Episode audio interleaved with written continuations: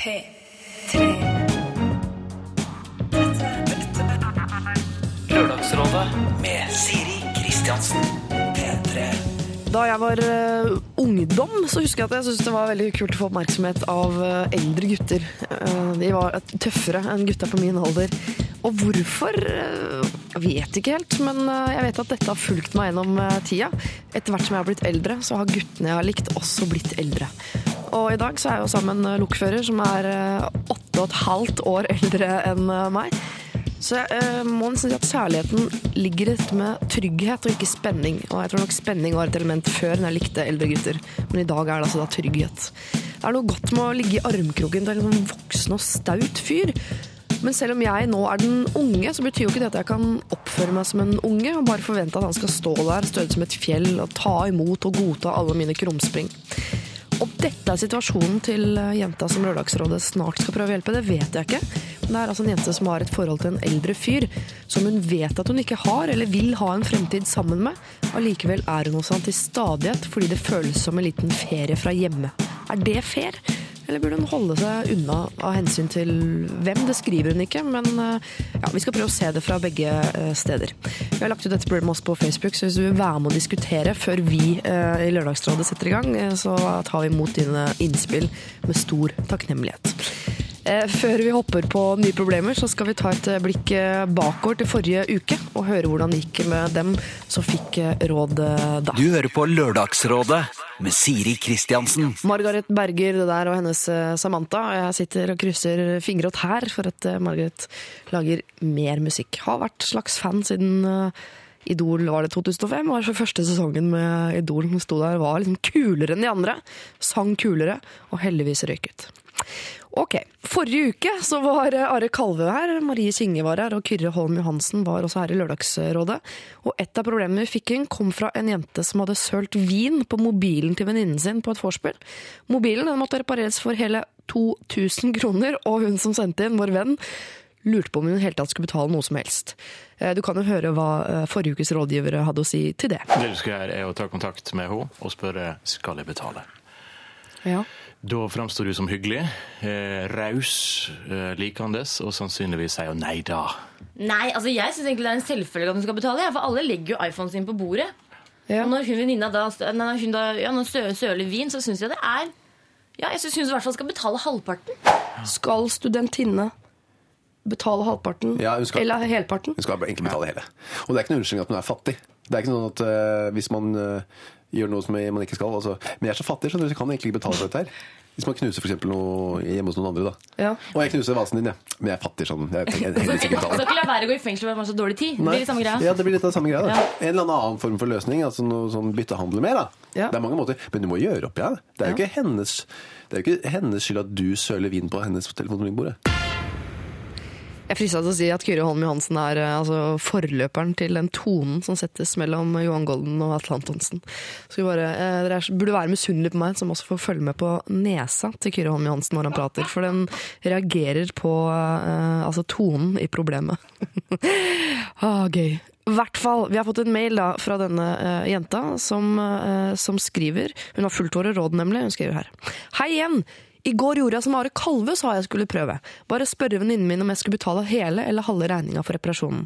Først sa hun selvfølgelig nei, og nekta å gi kontonummeret sitt. Etter en veldig lang og komisk samtale fikk jeg overtalt henne til at vi skulle spleise på regninga. Jeg føler at det er det riktige å gjøre akkurat nå, og jeg har overført henne 1000 kroner. Sitter igjen med litt bedre samvittighet. Takk for hjelp av Lørdagsrådet. Det er veldig fint.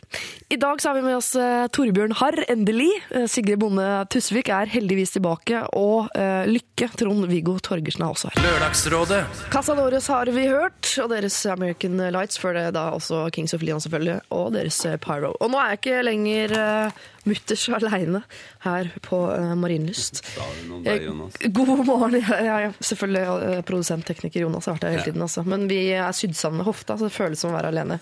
Altså Siamesiske tvillinger må også få lov til å si at de er alene når Jo, ikke det er er andre i rommet. ikke sant? Vi krangler allerede. Dette kommer til å bli en kjempefin morgen. Eh, God morgen. Ja, Vi slenger oss på med en gang. Det er jo liksom hele meningen, da. Folkets Trond-Viggo Torgersen var det. Folkets? Eh, ja, den har du fått. Skuespiller med hjertet i hånden har jeg valgt å kalle deg. Torbjørn Harr. Flott. Og komiker og gryende mor Sigrid Bonde Tusen takk. Grynemor likte jeg best. Dynemor? Grynemor. Jeg hørte det, jeg. Dynemor er noe annet. Dynemor. Du må, nå må du legge fra Så deg jeg imaget. så imaget. trøtt ut, tenkte Det jeg. imaget må du vekk Vet at jeg ser trøtt ut, men dynemor er beinhardt å få Det lover jeg aldri seg. si igjen. Jeg begynner med deg, Sigrid. Sorry, gutter, men uh, gratulerer. Jo, eh, jo, takk. Eh, hvordan ser du for deg at dette nye livet skal bli? Jeg har bare innstillingen 'dette blir jævlig'. Ja. Og da tenker jeg at da blir det kanskje litt bra. Det er ikke så langt fra sannheten, det. Ikke sant? Alle sier, det er, jeg har ikke møtt ett menneske som sier 'dette kan du glede deg til'. Det Men det er jeg fordi si. du Ja, du har jo barn komikere. som er 30 år. Nei, jeg har jo barnebarn til og med, så Ja. det, men jeg kan si dette burde du glede deg til. For Ja, det er et, ny, ny, nytt- ny, et nytt liv. Mm. Ja. Snakker vi om å glede seg til graviditeten eller barn? Jeg tror jeg aner ikke. Jeg Nei, gleder for ikke meg. Graviditeten er å glede seg til, men barna er- må jeg innrømme at det er vel Det er kanskje seg litt til det. Tøyt og frisk uh, kropp, Sigrid, kommer ikke til å ha problemer med Ja, graviditeten. det, men jo, men det også er Du ofrer mye, ass. Jeg har allerede fått en, en sånn sprekt Hva heter det? Ikke, ikke det dere tenker nå. ja, dere tenker brunøye, men jeg mener sånn blodkar bak på leggen. Ja, ikke sant? Så jeg kan ikke jobbe som glamourmodell lenger, som jeg har levd av i mange år. I og med at vi skal røre rundt i problemgryta hele dagen, så kan jeg jo spørre hva er det du ser for deg at blir vanskelig? At det ved å være mor, da. Du får bare si en Eh, ting. At livet er over, og du ikke kan gå og stå sånn og henge med alle vennene dine. Ok. Nei da. Vi skal følge Mest deg tett. venner, ja. Vi skal følge deg tett i tida som kommer. Velkommen, Torbjørn. Etterlengtet rådgiver her eh, hos oss, altså. Ja, takk. det hår, jeg må, det her, dette er jo veldig visuelt og litt dumt å ta på radio, Ja, men du sitter jo si med en manke som jeg regner med at er, eh, det er i forbindelse med en film, eller? Ja, det er Eller det. det, er, det er, og det er ikke ekte heller, vet du. Nei. Jeg har extensions for første gang i mitt liv. Det er, Det er søtt jobber altså, også å som tenke på glamourmodell. Torbjørn med extensions. Det ville jeg aldri tenkt. Det er Lyse, så lyse extensions i bakhauget. Ja. Har du- Er det lov å spørre om du har spilt noen slags form for viking? det er helt riktig. Jeg har spilt en form for viking. Så det er både skjegg og En form. Nei, det jeg har spilt, jeg har spilt ekte viking, jeg. Ja, så slem viking. Så Ja. sånn er ordentlig viking. Voldtektsviking! Ja, jeg håper det. Altså, det har ikke blitt ordentlig voldtekt ennå, men jeg håper det. at Det er flere episoder igjen. Ja, det er mange episoder igjen. Det er jo Så det er hele- håp for uh, opplegget. Det er jo hele, det er det vi er mest kjent for. Er jo voldtekt i mange tusen år. Særlig de med extensions. De tror jeg alltid hadde litt sånn kniv og voldtekt. Nei, det var diskusjon om hvordan var extension i vikingtiden. Hva brukte Ja. de liksom? Ja. Eh, og da kom vi fram til nonnehår. Var det, vi snakket om at eh, det, det? Det var det flotteste. Mange mener at prostitusjon er det eldste yrket, men jeg vil tro at det er frisøryrket. Altså extensions-folket. Ja, For de måtte klippe seg før de begynte å prostituere seg? Ikke sant? Ja. Ja. Ja. Men skjegget, det er ditt. Du har jo et ganske kraftig rødt skjegg. Ja. uh, det, er, Det er ditt. det er mitt, ja. Men er det der også når du ikke spiller viking, eller er det Nei, nå skal det av, og det er alle i familien. øh, kone og barn er veldig glad for, og de gleder seg til det. For nå har det vært lenge på. Så det er en slags julaften for dere. Ja, det, er, det blir det. Blir ikke jul uten at det har tæra håret. Trond-Viggo Torgen Det sitter og passet godt med juleskjegg. Det er, jo det er jo Er det selvfølgelig ikke en egen låt om det jo- der? ja. Jo, men har nissen rødt skjegg? Eller Ja, Ja, de nissene som er i min familie, har også litt sånn rødt skjegg. Jeg har jo en julenissesønn. Han har sånn skjegg som deg, og som jeg hadde før jeg fikk litt gråere innslag. ja. Er du rødlig? Jeg er rødlig, eh, men så er det grått inni det, så nå er det sånn derre spettet. Ja. Det er, når, jeg, når jeg har spart til sånne roller, jeg også, så, og da er ikke extensions noen steder, da, da er det spettet, altså. Jøss, Spettet. Melert. Grått. Extensions nedentil har vi andre her. nemlig. Sier du det, ja? Selvfølgelig. Mm. Trond-Viggo, du ble tullet med på Nytt på Nytt i går. Fikk du det med deg? Ja, det så jeg. Det skvatt jeg litt, og jeg pleier ikke å se på Nytt på Nytt, så jeg tenkte å, der var vi igjen. Ja. Eh, Det er sånn påminnelse om ting som eh, skjedde for 30 år siden. Det er jo interessant. 30 år siden da traff jeg også herr Harr. Da jobbet vi halv sju sammen. Nei, så Eh, Kort tid. Jo, jo Jo, det. Da må du ha vært bitte liten, Torbjørn. Bitte lille, bitte lille Harr var han da. Lille gutten. Hvor gammel var du da? Tolv? Eller var du fire? Nei, 30 år siden kanskje tar litt i, men, men Ja, det var ikke tok jeg litt i, men men, det men la oss si det. Jeg var jo veldig liten, Du var halv sju. Da er du liten. Ja, Ja, det er klart det. 79 var ikke Nei, det er 30 år siden, det. ja det var ja. Det mye- Alle tenker høyt der. Jeg var fire år i 79, så da, det var ikke så Men eh, Kanskje litt lenger siden, men det, var, eh, så det er lenge da siden jobbet vi, ja. Dette kaller, jeg, dette kaller jeg egentlig ikke prat, men bare sånn uh, lyd fra hjernen, kaller jeg det jeg driver med nå. Er det musikk da med en gang? Time Nei, jeg skal spørre deg om noe- Show, Shoes? Nei, vi Eh, Jeg skal spørre deg om noe, Trond-Viggo, først. Jeg tror bare vi skal fort videre. Alltid. Nei. Jeg syns tiden går så sakte, egentlig. I P3. nå. Ja. Altfor sakte. Ja. Tenk så fort det går. Kom eh, igjen, videre. Nei, det er P4, det. Vil du, vil du ikke snakke om deg selv? Jo da, det kan jeg gjøre hele tiden. For du har vært ute og reist. Vil du snakke om det? Ute og reist? Ja, Har du ikke? Nei, jeg har vært Har ikke du vært litt på farten i det siste? Jo, veldig mye rundt omkring. Ja, det er eh, reising. Ja, det er reising. Jeg har nesten sånn glemt hvor jeg har vært. For jeg har, bare, jeg har gjort sånne lange intervjuer med folk jeg traff ut for 30 år siden. Jeg lagde et program for 30 år siden i 83. Ja. Uh, som var den første reality i Norge, hvor vi bare samles og snakket om hvordan det var å være ung, som het Nesten voksen. Og nå har jeg truffet tolv av dem igjen, én og én, og spurt hvordan livet gikk. ja. Eh, Hvor gamle var de i 83, da? var fra 17 til 21 år. Oi. Så nå er de da fra Det er pluss 30, da. pluss 30, ja. ja. Det, er, det er vanskelig. Gjør matten selv. Jo, det har vært fantastisk, fordi at uh, du treffer folk så nært, fordi jeg visste noe om dem da, fra da. Var det vanlige folk, eller hadde alle en eller annen Det er syk veldig historie vært med? vanlige folk, Ja. men det fins ikke noen vanlige liv, har man oppdaget da. Det er, men så er du den personen du er ganske jevnt gjennom livet, for det er måten du tar ting på, og ikke nødvendigvis det som har hendt deg, men måten du tar ting på, hvordan du reagerer på ting, og hva du gjør med livet ditt, som, det holder seg ganske jevnt, altså. Og det får vi se på NRK en annen gang.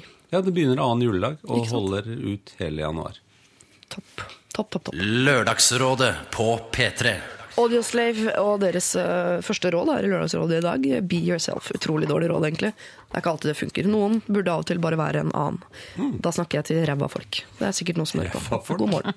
Jo, ræva folk kan ikke si sånn. Bare Nei. vær deg sjøl. Nei. Hvis du er et dårlig menneske, så er du nødt til å bare være en annen. Du må være en annen. Ja. For velge en du liker, da. For eksempel, da kan du være Tone Damli Aaberge, for eksempel. Hvis du vil. Late som, da. Uh, Torbjørn Har, Sigrid Vondt Tusvik og Trond-Viggo Torgersen. Jeg håper dere er klar for uh, morgenens første problem. Jeg leser. Hei! Jeg er en jente på 19 år som i fjor bodde for meg selv, men av økonomiske grunner har jeg måttet flytte hjem igjen til mine foreldre. Mens jeg bodde for meg selv, traff jeg en vesentlig eldre mann. Vi har hatt det ganske hyggelig nesten et halvt år nå. Parentes seks Om tilfelle ikke skjønte det. Men jeg begynner å få følelser og vurderer å avslutte alt fordi det ikke er noen framtid i et eventuelt forhold. Det som derimot er problemet, er at jeg syns det er deilig å besøke han for å få litt ferie fra det å bo hjemme. Skal jeg fortsette å besøke han for å få foreldrefri, eller burde jeg ta meg sammen og avslutte det hele? Vennligst hilsen. Og så skriver hun navnet, men jeg lurer på om jeg skal hoppe over det. Ja. Hvor gammel er hun? 19? 19 år eh, er hun, og jeg vet ikke hvem hun ønsker å ta hensyn til ved å avslutte. Om det er seg selv og sine følelser, eller denne mannen som hun da føler at hun lurer ved å bruke han fra et sted å overnatte. Men går det Det an å ikke. spørre eh, betydelig eldre, hva, hva er det? Jeg vil tippe mm, fra fem til ti år, tipper jeg. Tror du det? Ja, for Hvis det hadde vært 30 år mellom, så hadde hun sagt det, for det er så kuriositet. Men altså, du er jo Han er åtte år eldre enn deg, han kameraten din, er han ikke det? Jo. Eh, og det er ikke ja, kanskje betydelig, men uh, Men da er du over 25, Ja, og da er det lov? lov. Jo Når du møter ham, er, liksom. jo større har du du si den dele på to og trekke fra syv, er det ikke det? Tenk så gamle folk er når de er 25 når du er 19. da. For da har du akkurat vært russ. Ja. Mm. Eller er russ. Ja, det, det som er spørsmålet er hvem du skal ta hensyn til. For jeg husker sånn når jeg var 19 selv, altså de damene som var 19, som fikk en sånn kjæreste som var 28. Utrolig irriterende, selvfølgelig. Jeg har umulig å konkurrere med de gutta.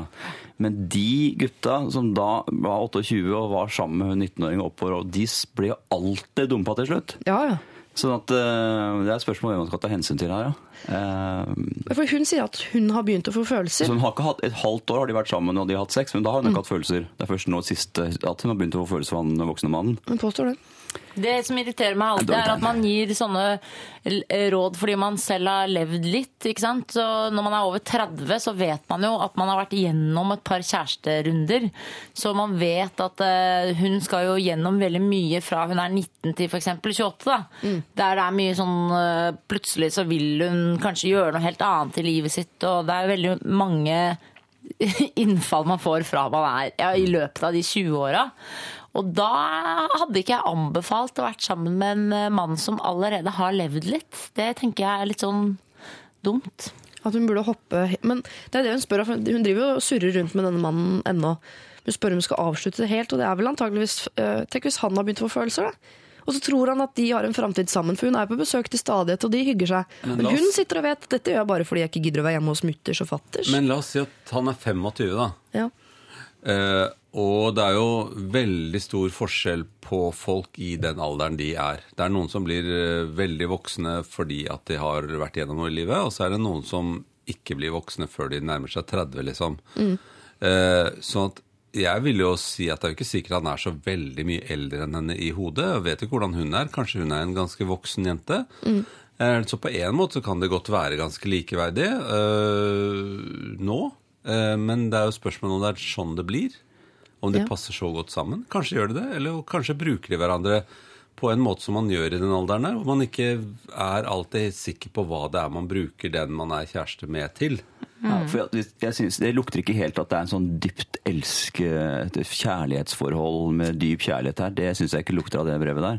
Nei. At det er sånn en fortvilet 'hva skal jeg gjøre', han er eldre, vi elsker hverandre dypt og inderlig. Det er en annen diskusjon. Dette her er liksom Skal jeg fortsette å bruke? Jeg Ja, for husker, det er ikke noe framtid. Det blir ikke de to. noe fram...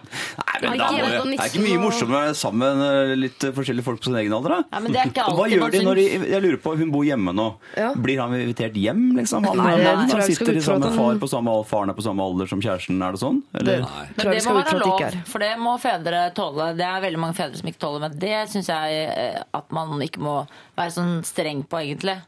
Eh, og, og jeg kjenner mange fedre som er sånn eh, Som har uh, fått døtre hjem som har funnet seg eldre menn, og de friker helt ut, men det har de ikke noe rett til. Men jeg tror, jeg er enig med Harry og, og, og Trond-Viggo, at dette er eh, dette er ikke riktig hvis du sier at det ikke er framtida. Nei, men kan hun fortsette, Det er ikke framtida, men kan hun fortsette å bare være der litt og, og ha sex og sånn? Det kan jo være at han syns det er helt topp at innimellom kommer en 19 år gammel jente på besøk til å ligge litt han, og så drar han hjem til foreldrene sine igjen når hun er ferdig. Drar han hjem til foreldrene sine? Han også hjem til foreldrene sine? Det Da er det jo Dette kan jo være en god deal for begge to, men det, eh, denne jenta som skriver Det virker har hun Det har tydelig vært en god deal, da, siden det har vært spennende til nå. Men nå begynner hun å kanskje gjøre opp regningen og finne ut hva er det, hva er det egentlig jeg vil med dette her. Jeg hadde en Ja. venninne på videregående som lå til og med med en kjendis som var eh, tolv år eldre enn henne. Hvem da? Jeg kan ikke si det. Det blir veldig Nei, jeg, kan si, jeg sier det under en låt. Ja, men jeg- da sier jeg det på radio etterpå. Jeg sier det høyt etterpå. Men eh, jeg kan ikke utlevere henne. Jeg skjønner jo Det er ikke henne, men han Jeg ikke om han kjendisen, altså. Det er kjendisen vi lurer på, ikke hva venninna di heter. Det driter vi i. Jeg må ta en runde inn i hodet mitt om jeg kan si det etterpå. Men hun gikk på videregående, eller vi gikk på videregående sammen, og hun lå med han. Og, Hvem da?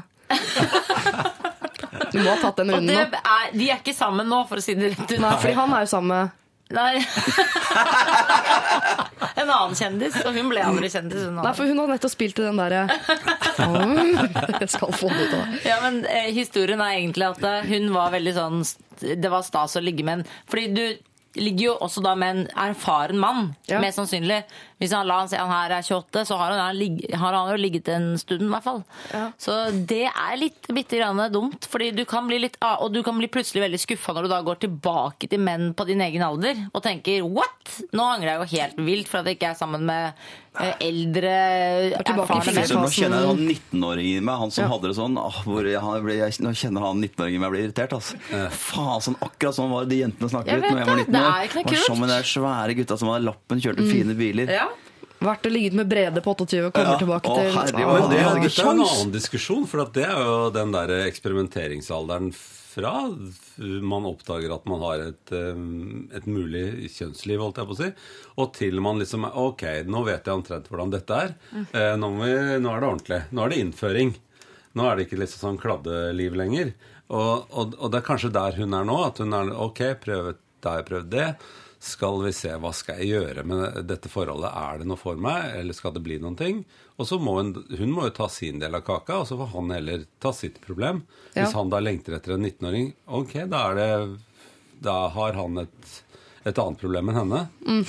eh, og så må hun liksom finne ut hva slags forhold det skal være. Så syns hun er helt rett i at hun nå gjør opp litt status med seg sjøl. Ja. Er det dette det skal være? Og hvis hun har tanker om at nja, så tror jeg hun skal gå for nja. Ja, og gå ut. Og gå helt ut ja, for ellers av så bruker du lang tid, altså. Og da er du surremus og øh, holder på i kanskje fem år med fram og tilbake. Det er ikke bra. Men, Men hvis de er er helt det enige om at Det Ja, kan det jo være hun sitter på en god deal her. At Hvis de to er helt enige om at de kan hygge seg, og hun får litt sånn ferie hjemmefra, foreldrefri og sånn, og kan sove hos han Det er ikke sikkert han forventer noe troskap fra henne, Ja, eller men da vil jeg heller anbefale å flytte hjemmefra, altså. Ja. ja. Ja, hva er det der hjemmet, hva har det med det å gjøre? Altså, Men du må i hvert fall ikke si 'Å ja, nå har jeg et sted å bo', og så flytte til han. Og så Nei, ikke, det, det det, blir bare tull. Jeg bodde hjemme til jeg var 24 år. Det gikk ganske fint. Nerd. Men eh, jeg spør til slutt, skal hun avslutte? Hva syns dere, helt konkret? Avslutte helt, eller fortsette å bruke den litt? Det er jo alltid vanskelig, man vet jo ikke mer enn det lille som står der, men ut fra ordlyden i det som står der, hvordan jeg leser det, at hun først nå etter et halvt år med frem og tilbake har begynt å få følelser og hun er usikker, jeg syns at eh, prøv å finne noe som du er sikker på. Ja, altså ut. Sigrid? Ja, slå opp, ut. For meg er jeg sånn pragmatiker. Ta litt ferie i hvert fall, og tenk over det. Og så se hva du vil da. Eh, Så får hun skrive det om tre år igjen, og så høres det ut som det går da. ja, ja, nei. Livet er så komplisert, altså. Eh, Så i den alderen der så har man jo ganske mye slakk og mye å gå på. Så jeg syns hun kan tenke litt videre. Ja. Eh, Neste gang hun treffer han, kjenn etter om det virkelig er bare en, en slags sånn der visitt, visitt, eller om det virkelig er en, en ting som begynner å, å, å si at livet er alvorligere, og det vil jeg gjerne ha litt mer sammen med han, så er det ikke sikkert han er der i det hele tatt. Da må vi begynne å prate om det. Ja. ja det, er, det kom inn helt på tampen her, kjære deg. Det er lov å prate om det, og du kan jo si til han at dette her er det jo ikke noe framtid i, men det er jo hyggelig det vi driver med. Skal vi fortsette med det, eller kommer du til å bli lei deg, eller åssen gjør vi det? Det er lov å gå i dialog, selv om ikke dere har en framtid sammen. Du kan jo måtte, prate, du er 19. måtte snakke med så mange mennesker senere i livet om Ja. ting som er litt sånn au. Se på det som en øvelse. Da. Sammen med en eldre, erfaren mann, ikke bare i senga, men kanskje han også faktisk eh, har tatt en runde eller to sånn snakkemessig. Så kan Hiv deg på. Øv. Og så blir du verdens beste kjæreste med neste guttemøte, møter, som kanskje er på din egen alder. Lørdagsrådet har en mailadresse. eh, Det er lralfakrøll.nrk.no. og Der tar vi imot eh, det som måtte være av problemer. Om det er eh, hekkproblematikk, eller om det er følelsesliv. Det er samme for oss. Vi kan løse det meste. Er det nå jeg skal si 'time to dance'? Det kan du gjerne si. For det var det jeg sa forrige gang, det var litt for tidlig. Å ja. Det er nå vi skal gjøre Time to Dance. Flott. Lørdagsrådet The Shoes synger Time to Dance her i Lørdagsrådet på ble det noe eh, time to P3. The Det, time to Dance er eh, over, så hvis okay. du ville danse, så er sjansen over. Det tjus. Er det noe å spørre uh, Altså, du reagerte allerede da du kom hit i dag morges, Sigrid Bonde på at det luktet hvitløk i rommet. Fordi jeg har vært ute på Rema 1000 og kjøpt hvitløkspaté til dere. For jeg tenkte at det kunne være godt å starte Ja, starte det var tidlig på morgenen. Jeg ble vampyr med en gang jeg kjente den lukta. Ja, men du er, du er gravid, så du reagerer kanskje litt sånn ekstra på lukter om dagen. Og da tenkte jeg, hva lukter dere? Har dere en naturlig lukt, eller bruker dere parfyme? Torbjørn Harr, for eksempel. Eh, Jeg håper jeg har en naturlig lukt. Ja, det har du helt sikkert. Og i tillegg så bruker jeg det òg, ja. Det gjør jeg. Du lukter jo nonnehår, siden du har sånn uh, Ja, nå lukter jeg noen år. Men alle luktet godt når jeg klemte dem i dag morges. Alle dere luktet godt. Oh, ja. Ja, men jeg hadde spraya meg. Jo, men det, det luktet ikke jeg som, som en så sterk Og du lukt. går inn i kroppslukten med en gang? Ja. I, i den Snus- derre gropen. Ja. Men hva foretrekker dere da? At folk lukter Ja. uh, sin egen hud, eller lukter noe fra uh, Chanel, Chloé osv.? Og Helst jeg foretrekker og en liten sånn uh, duft av noe ekstra. Det er, det er herlig, det. Ja, det, det må det, jeg det gir en annen Det er noe annet man er ute etter. Når, man, når jeg snuser på folk, så er jeg jo et dyr. Ja. Jeg tenker sånn Er dette noen jeg går sammen med? Det er derfor han alltid lukter av i rumpa når du møter det er veldig rart. Det Ja, er det er veldig slitsomt. Han går rett i rassa. Det er litt slitsomt etter hvert, så har man vent seg til det. Ja, men det er koselig. Ja, Han sier jo bare 'jeg skal bare hilse på'. Men så foretrekker parfymelukt, altså, men kan det bli for mye òg? Ja, det kan bli altfor mye. Det skal bare være den bitte For jeg, jeg mener at det skal lukte Hvis vi snakker nå om fra, Det skal lukte kvinne, da, altså, hvis vi tenker sånn. Men det, skal, men det er herlig når det er liksom bland, litt grann ekstra Ja. av den parfymen. Det, jeg liker iallfall det godt. Da tror jeg du er typen som liker at jenter bruker deo med lukt, men ikke nødvendigvis parfyme. Det kan godt stemme. For da blander den lukten seg med lukten av mennesket idet mennesket blir varmt. Ja. Men det er skremmende med de som lukter veldig mye parfyme. Det blir jeg alltid Ja. frastøtt av. Ja, Altså, jeg det, jeg, er- det det er så kvalmt. Jeg tror jeg lukter veldig mye parfyme, gjør jeg ikke det? Nei. Nei. Nei. Så bra. Jo, innimellom kan du Nå lukter det litt hvitløk etter den patien, men ellers er det greit. Jo, det blir litt sånn Når du kommer inn på en do og det lukter veldig sånn stram parfyme, så vet du at her lukter det egentlig dritt. Men så lukter det godt. Det syns jeg er ekkelt. Men Sånn er reptilhjernen din er jo den som lukter seg fram til den du elsker. Og det syns jeg er ganske bra at reptilhjernen klarer å hoppe over parfymelukten. For du blir jo ofte forelska i en fyr på byen, og det er masse lukter, og du er egentlig litt sånn nedsatt i lukt fordi du er full og blir med en fyr hjemme og sånn. Og likevel så sier reptilhjernen, når du da møter mannen i ditt liv, så sier den «Tank! Dette er mannen. Min mann for eksempel lukter litt plasteline. Jo, men jeg tror Jeg er Nei, helt er sikker på Jeg er helt enig i det. Den lukten. At Ja. det, Det er er, så Ja, det, viktig. det tror jeg også, men at du klarer å hoppe over Det må eh, du jo kunne, siden du vet Ja, men- at dette er mannen i ditt liv. For du kan jo ikke vente Nei, til reptilhjernen hopper ikke over den. reptilen sniker seg gjennom. Det er å resten av hjernen. Kunne du sier- gått inn blind i et rom Trond-Viggo, og luktet deg fram til din kone? Nei, det kunne jeg ikke gjort. What? Det er helt sikker på du nei, det- klarer. Ja, nei, det tror jeg ikke jeg kunne. Hun Men som har så mye krusete hår. Jo, men det jeg tror jeg gjør, er at jeg lukter om jeg liker folk. For jeg- det er noen mennesker som lukter sånn at jeg må tenke meg om om jeg liker dem. Eh, altså jobbe litt med den personen. For at ok, han luktet ikke sånn som jeg liker. Det må være et eller annet, så vi finner ut hva det er.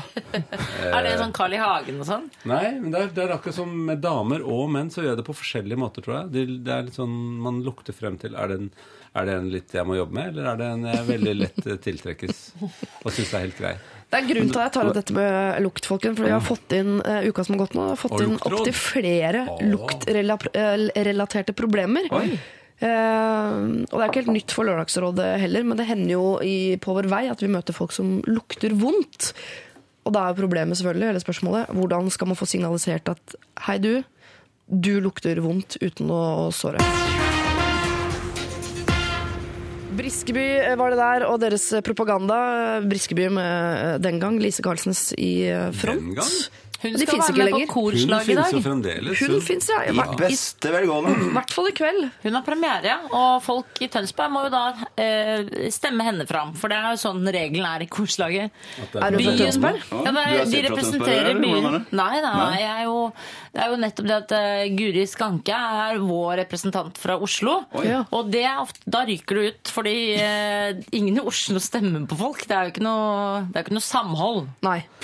Mens det er det jo ofte ikke sant, i små byer. Der eh, samler jo folk seg og sitter Grendehus og er stemmer Grendehus er tjåka fulle, vet du. Det er for å komme videre. Grendehuset i Tønsberg. Hanne Sørvåg-effekten. Ok, eh, vi har allerede tatt en liten luktdebatt her i Lørdagsrådet. Eh, snust litt, eh, snakket litt om hva vi liker av lukt osv. Eh, I forbindelse med at vi har et luktrelatert problem. Eller vi har fått inn flere, da, men jeg har valgt ut ett av de. Eh, Jeg har anonymisert det noe, for det kan være litt kleint for den illeluktende i, i situasjonen å bli gjenkjent. Lørdagsrådet, nå er det alvor. Jeg har vært på tur med familien, og turen den var topp, den, helt til jeg oppdaget en lukt i forsamlingen som kunne skremt selv den mest hardbarka fisker. Det var en lukt så stram at de sosiale antennene mine knakk, og jeg ble sittende og svare mm på alle spørsmål i frykt for å puste. Luktens opphav ble et mysterium fram til jeg skulle på toalettet etter min søster. Her er det åpenbart snakk om en ganske heftig kjønnssykdom eller noe, fordi det var en så sterk lukt av høfseslagg, som hun kaller det, som jeg aldri har vært vitne til. Et, eh, vi var flere i familien som reagerte. Så kjære lørdagsråd, hvordan forteller jeg min søster at hun lukter urgammal truse? Lukta ikke til å holde ut, og søsteren min er litt light, skriver hun her, så jeg tror ikke hun selv skjønner at noe må gjøres. Jeg kunne jo bare latt alt forbigå i stillhet med en klype for nesen, men jeg er redd for at noen andre skal merke dette og mobbe henne. Hilset. Hilsen bekymret og litt kvalm søster. De er i 20-årene begge to. Oi. Dette var veldig mye på en gang, så det er ikke bare lukt. Ja. Vi må bare eh, glemme det med kjønnssykdommer og truse. Og det er mye sånne ord som er gøy. Jeg likte det. Er, det høres ut som noe du Det kunne sagt, sånn Sigrid. Ja, det var sagt ord nydelig uten å ord. vite hva det er for noe. Altså, det lukter i hvert fall vondt av søsteren. Dette, for det, dette synes jeg handler om noe helt annet enn lukten. Det handler om det forholdet til søsteren. Ja. For hvis, hvis du har en søster som har fått eh, en, syk, en kjønnssykdom, en sykdom, Ja. så må du søren meg gripe inn. Ja, men det hvis det er ikke. søsteren din. Så grip inn hvis noen i familien har fått en kjønnssykdom. Vet du hvor vanlig det er, eller? Ja. Ja. Hvis jeg hadde fått kjønnssykdom, hvis og broren min kommer til å ta sånn Siri, nå må vi snakke sammen, for nå har du fått klamydia. Dette går på Kristiansen-navnet løs. Jo, men, det Det gjør det ikke. jo, men sånn må det være i en familie, da. Nei. Jo, det er hvis det hadde vært en så sånn er fjern venn, trodde jeg det var det her nå. Vi Nei, har, en, vi har nemlig noen kusiner som svetter svetter veldig mye. Det synes jeg er veldig gøy, fordi vi snakker mye om det i familien. At det er urettferdig at de noen Ja, alle snakker om det sånn. Det er urettferdig at noen fikk svettelukten, og andre ikke fikk svettelukten. Det er dårlig gjort. Eh, Og de må da ofte gå med sånne det finnes sånne svetteputer. fordi Du blir- får jo sånn kjempesvettering under armen, så kan du snike inn sånn svettepute. Vet sikkert du alt om Ja, det er det- som lukter av de gamle svetteputene. ja, det er ammelegg bare under armhulen. Eh, Og da stopper du svette i f.eks. penkjoler og sånn, hvis du skal være ute på julebord som er litt sånn flaut og lukter veldig svette. Men det er veldig, det sitter skikkelig langt inne å si til eh, slekt og familie at eh, du lukter vondt, selv om egentlig det er jo familien som bør si det. Ja, du ville gjort det i din familie, Torbjørn. Altså liksom, det er her Hvis du tar det som hvis faren din hadde sånn svært kjøttsår på leggen Ja, eh, som lukter død mann. Som lukter død mann. Da, da ville jeg sagt du, fatter'n, her tror jeg vi skal ta en tur til legen. Fordi at her har du et problem. Eh, Jo, men har du sett det såret og bare gå ut ifra sånn Ja, på do etter deg det lukta skikkelig kjønnssykdom. Har du fått deg det? det Det er altså, for det er, det, det er der hun ble gjort. ja, men Skikkelig kjønnssykdom. ja, Det, altså, det seg selv syns jeg er det Hvordan Lukter det? vet du det? Ja, men du må jo, Nei, ikke nødvendigvis. Det må jo, man må jo være kvalifisert lukter da, på, til å lukte kjønnssykdommer, for det syns jeg var Men det kan- avansert. det må være Men blir man det? Enten er hun lege selv, eller så har hun hatt mye av det selv. Men At det hun å, er erfaren. det å lukte at noen lukter eh, som vanligvis, som vanligvis lukter bra, Mm. lukter nå dårlig, det er jo en forandring. Ja, det må det jo være siden de er søsken. Det er Ja, sånn hun hun har Søsteren hennes plei, må vel ha pleid å lukte annerledes, og nå lukter hun dårlig. Ja. Så det er noe nytt som har skjedd med søsteren hennes, som hun kanskje Det er jo et alvorligere problem enn hvis søsteren er sånn 'Å, nå lukter du svett, nå har ikke du skifta på en stund'. For det er noe hun sikkert har merket før. At hun har, nå må hun si fra igjen.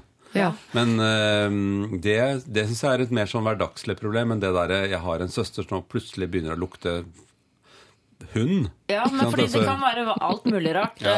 Jeg har jo eh, hørt sånne historier eh, Anders Danielsen Lie og sånn som har jobbet på legevakta, de har jo funnet de rareste ting oppi, eh, oppi der. ja. Eh, oppi sløfsehøl, eller hva det heter. Oppi Hva kaller hun det, da? Slefseslaghullet. Jo, men, eh, men eh, Så det er Men jeg har et forslag at hun burde jo egentlig, idet hun søsteren var på do og kom ut igjen, og hun gikk Da burde hun sagt du, jeg, jeg kom på do Jeg gikk på do etter deg, og det var så rar lukt. Har du eh, har, Sliter du med et eller annet? Du må ikke gå rett og si du har kjønnssykdom. Du må bare si sånn Det luktet så rart. Det pleier jo ikke du å Men det er jo jump to conclusions hvis du sier at du har en kjønnssykdom. Det lukta jeg. Det, det må ikke nei, det synes syns jeg ikke. Ikke Å sant? ta opp når søsteren din helt tydelig har et problem, det må, Du er jo en sånn si det, så du er må det si du, jeg var på toalettet etter deg, og så luktet det så rart. Har du noe Har du lagt merke til det, du òg? For da kan du ding. Man bruker sjiraffspråket. Som vi har lært på Westerdals. Ja. Man må gå ut ifra at man selv har tatt feil, sånn at den andre kan tenke og si 'Å ja, ja, kanskje du eh, Nå skal jeg forklare deg hva som har skjedd. Ja. Og da ligger det ofte en forklaring, for det er jo ikke sånn at hun ikke lukter at hun lukter vondt. Jo, det Jo, kan det det være. kan det fort være. Men det det kan sånn være at hun ikke vil snakke om det, hun søsteren. ikke sant? Kanskje hun har fått en infeksjon. Bør ikke si det er kjønnssykdom, men at kanskje at det er litt mer kliss enn det pleier å være Mm. der du vet. Og at da hun tenker at det der får ikke jeg gjort noe med. For det, det er en del igjen, en del utflod som lukter veldig vondt. Mm. Ja. Og Da hvis- skal man bruke yoghurt, skal man ikke det?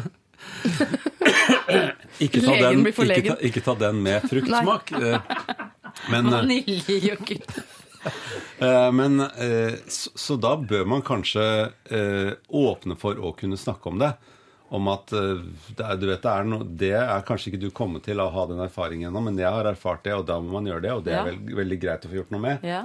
Så at eh, hvis hun har en søster som har en ting som kanskje kan være at hun har en underlivsting, Ja. så bør hun kanskje gå til en gynekolog som hun aldri har gått til. da. Hvis hun ikke har vært noen gang til sånn kvinnelege, Mm. så er det kanskje nå denne søsteren skal begynne. Men da må jo Det er søsteren et si, for det er enklere søsteren spor å som komme- vet dette her. ikke Men det er sant? et enklere spor å komme inn på Ja. enn å si og du er Enten så er du urenslig, Mm. og det kan må man kunne si til noen. Eller så er, har du et problem som du kanskje bør gå til legen med. Og, du- og jeg vet ikke hvordan jenter sier det til hverandre, men det kan Ofte vi så sier vi det til mammaene våre, og så sier vi mamma, du må si til søsteren Ja, at ok.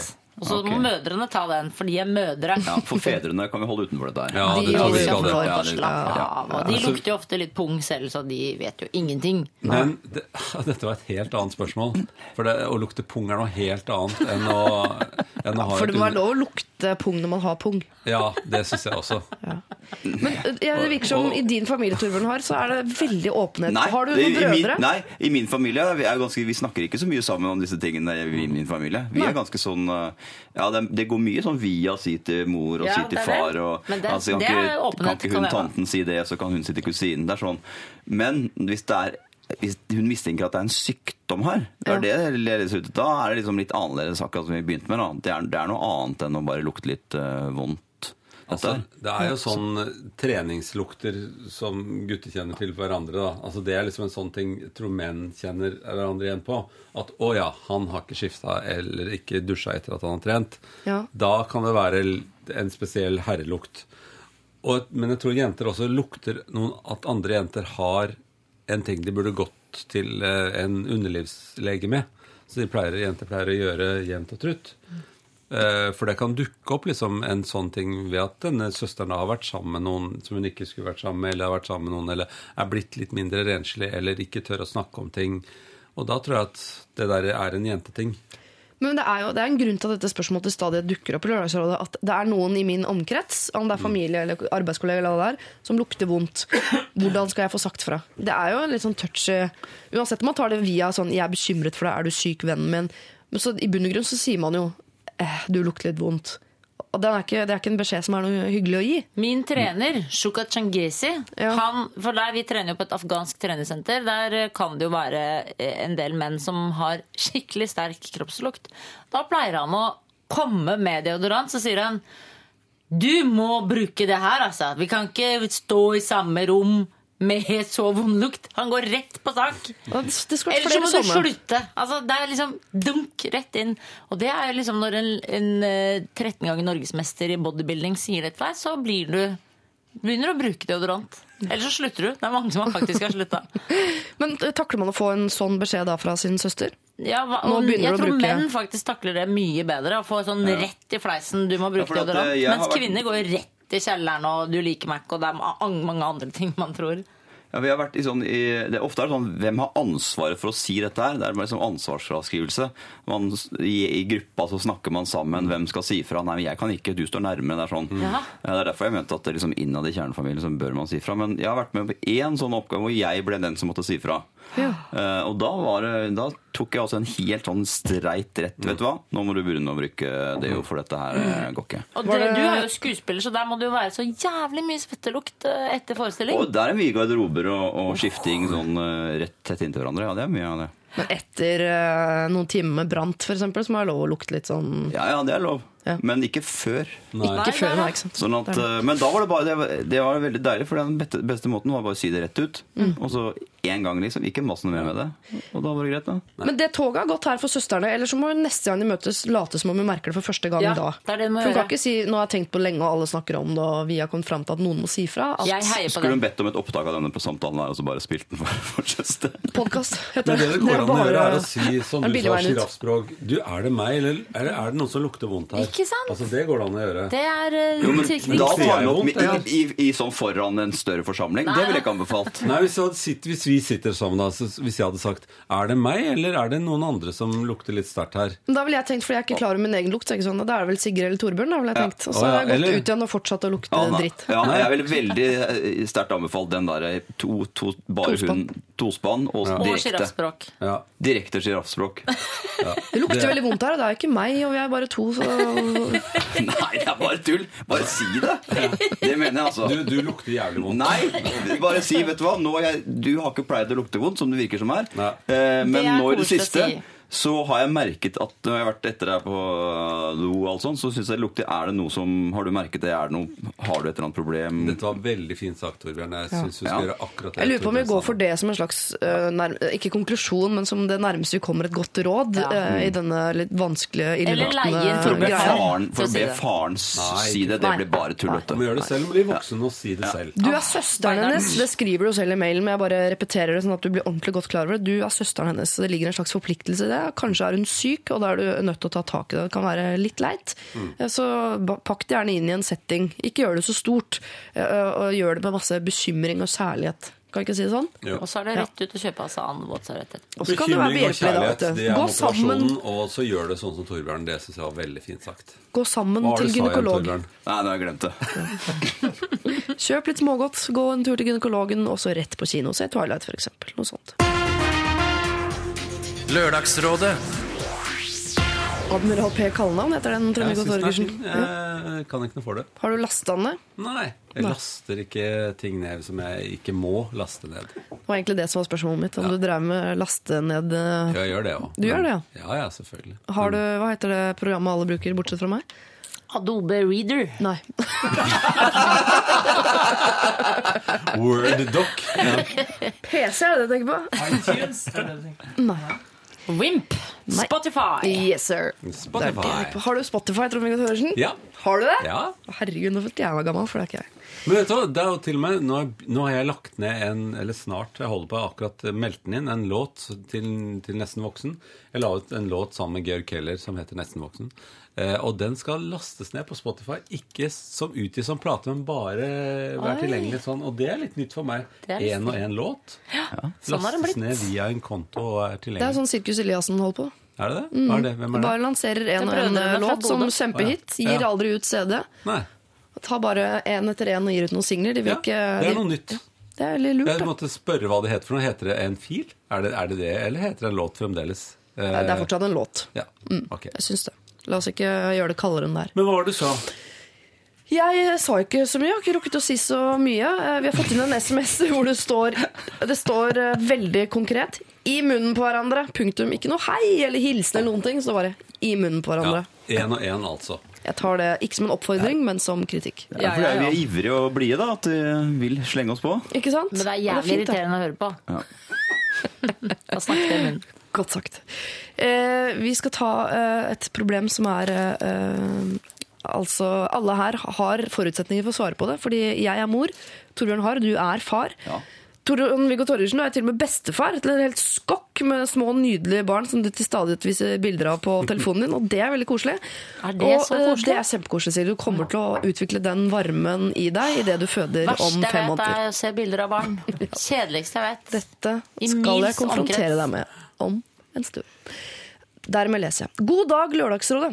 Papparollen er rett rundt hjørnet, og jeg gleder meg. Har det også helt topp i forholdet mitt. Prikk, prikk. Men kjæresten min griner konstant. Jeg vet det er vanlig i svangerskapet, men er det noen oppskrift på hvordan man takler dette? Jeg syns det er ubehagelig når jeg påpeker at potetene koker over, og det blir for mye for henne å takle. Spesielt flaut når det skjer i det offentlige, f.eks. fordi hun ikke får til å lukeparkere. Skal jeg trøste og si at det går bra neste gang, eller skal jeg gi henne tid for seg selv? Med vennlig hilsen frustrert kommende. Ja, da begynner jeg med Sigrid. Er du der at du begynner å grine hele tiden? Nei. Men jeg pleier å være veldig Jeg tror jeg har nemlig fått omvendt hormonell eh, funksjon. For jeg pleier å klikke eh, veldig mye og være veldig sånn oppe. Og, så, og det er litt avhengig, avhengig av, føler jeg, i mitt yrke, standkomiker, at man er litt sånn sinna når man går på scenen. Og tenker at jeg skal ta dere så jævlig, tenker jeg, når jeg går på scenen. Mens nå i preggo-stil så har jeg blitt helt mild. Og Martin sa det her for en dag. Han sa du har jo ikke skjelt meg ut på tre måneder. Da sa jeg sånn, nei, men du har heller ikke fått ligget på tre måneder. For du mister både kåthet og, og sinne. Jeg har blitt helt flat. Kanskje din kåthet er tett bundet opp mot sinne? At du jeg. bare driver med sånn sinnaknulling? Det vet jeg ikke. Sånn Jeg bare legger gang. ut en følelse. Bang, bang, bang. Eh, Du er pappa, Ja. Torbjørn Harr. Kan du huske Dette har jeg vært det borti. sånn? Ja. Eh, denne- Trebarnsfar. Trebarnsfar. Så i forskjellige perioder eh, av eh, min kones svangerskap så, så kom jo dette her opp, ja. Ja. I forskjellige varianter. Det er, jeg vet ikke hva rådet er, eh, men rådet med de potetene er å ta de potetene selv. Og ikke bare kommentere at potetene koker over, men faktisk gå og gjøre noe med det selv. Det er jo ett råd. Eh, men så er det andre rådet er å eh, for det kan jo bli frustrerende, jeg kjenner henne, å tenke at det er litt koselig òg, all den griningen. Mm. Det er litt koselig når hun ikke klarer å lukeparkere, og si du, kom igjen, sett deg over på andre siden, skal jeg lukeparkere. Man må, ja, man, Må være helt i eget liv. Ja, ja, for at det er lett å bli litt sånn, man, det er lettere å bli helt enn det er til vanlig. For man liksom ta den omsorgsrollen og, omsorgsrollen og tenke at det er koselig. Ja, Kanskje heller være litt sånn hjelpe til litt ekstra. Ikke nødvendigvis være en skulder å gråte på hver gang, for det kan bli slitsomt. Men hjelpe til litt sånn å ta de potetene og ta den lukeparkeringa. Før det og- skjer. Ja. Og være mer sånn praktisk til stede enn sånn Jeg skjønner åssen du har det. Det blir bedre neste gang. Ja, For det er- kan bli ja. mye. Ja, ja, for det er ikke noe vits å snakke så mye om det, for det er Det Det er å få- irrasjonelt. Ja. Ja. Og så er det også Men han blir flau når det er blant andre folk. Ja, Det skjønner jeg jo litt. Mm. Kan han himle med øynene og peke på det, magen det, er går, det som er, det går an å gjøre, er å trøste og ha hendene på skulderen og trøste, og himle med øynene til de som er rundt ja. mens man liksom klapper på hodet. Det er fint, da. Det er lov. Ja, det er så må jo jeg mener til alle gravide damer at det er greit at man gråter masse, og det er hormoner og sånn, men man er nødt til å ha litt selvironi humor på det. Så det går an å gråte og le samtidig. Nå gråter jeg igjen. Jeg skjønner. Men det går jo ofte, det er jo ofte, det er ikke sånn ni måneder der sånn. Det, da blir det jo slitsomt, eh, kan jeg tenke meg. Men det er ofte i kortere perioder, da.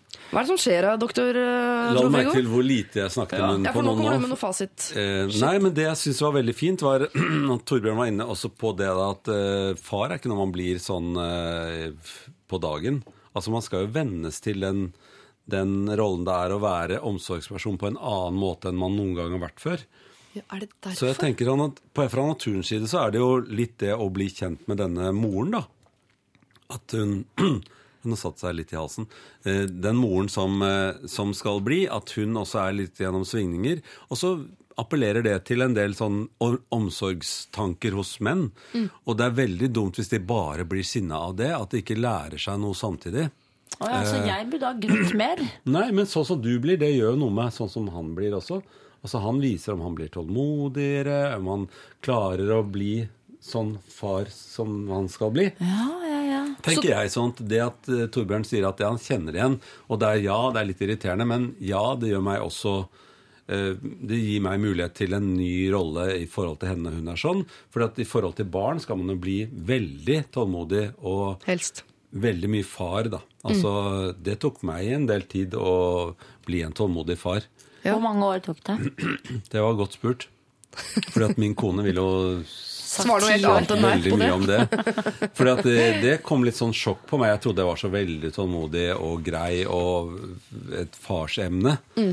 Men eh, jeg var, ble jo kjempeegoistisk på min måte også, og bare prøve å komme meg vekk fra en del situasjoner. Så at det der å øve seg på å, å bli en annen voksenperson enn det man var når man var sånn nå, nå er jeg en ung jypling. Det er forskjell på å være kalv og være blitt okse, altså. Ja, for jypling kan du være på byen med kompisene dine etter stengetid. Ja. Eller sengetid, som Ja, det du kan både være kalv og okse på, samtidig. Bare, Ja. ja, altså, ja. Man må øve på å bli ordentlig okse òg. Man må være litt, bli litt sånn litt stautere, litt uh, roligere. Så kan man heller eh, hoppe og sprette uh, når det er anledning for det. Men særlig når kona gråter, så appellerer det jo veldig til en annen side av deg enn hun som, eh, hun som bare løper på deg sinna.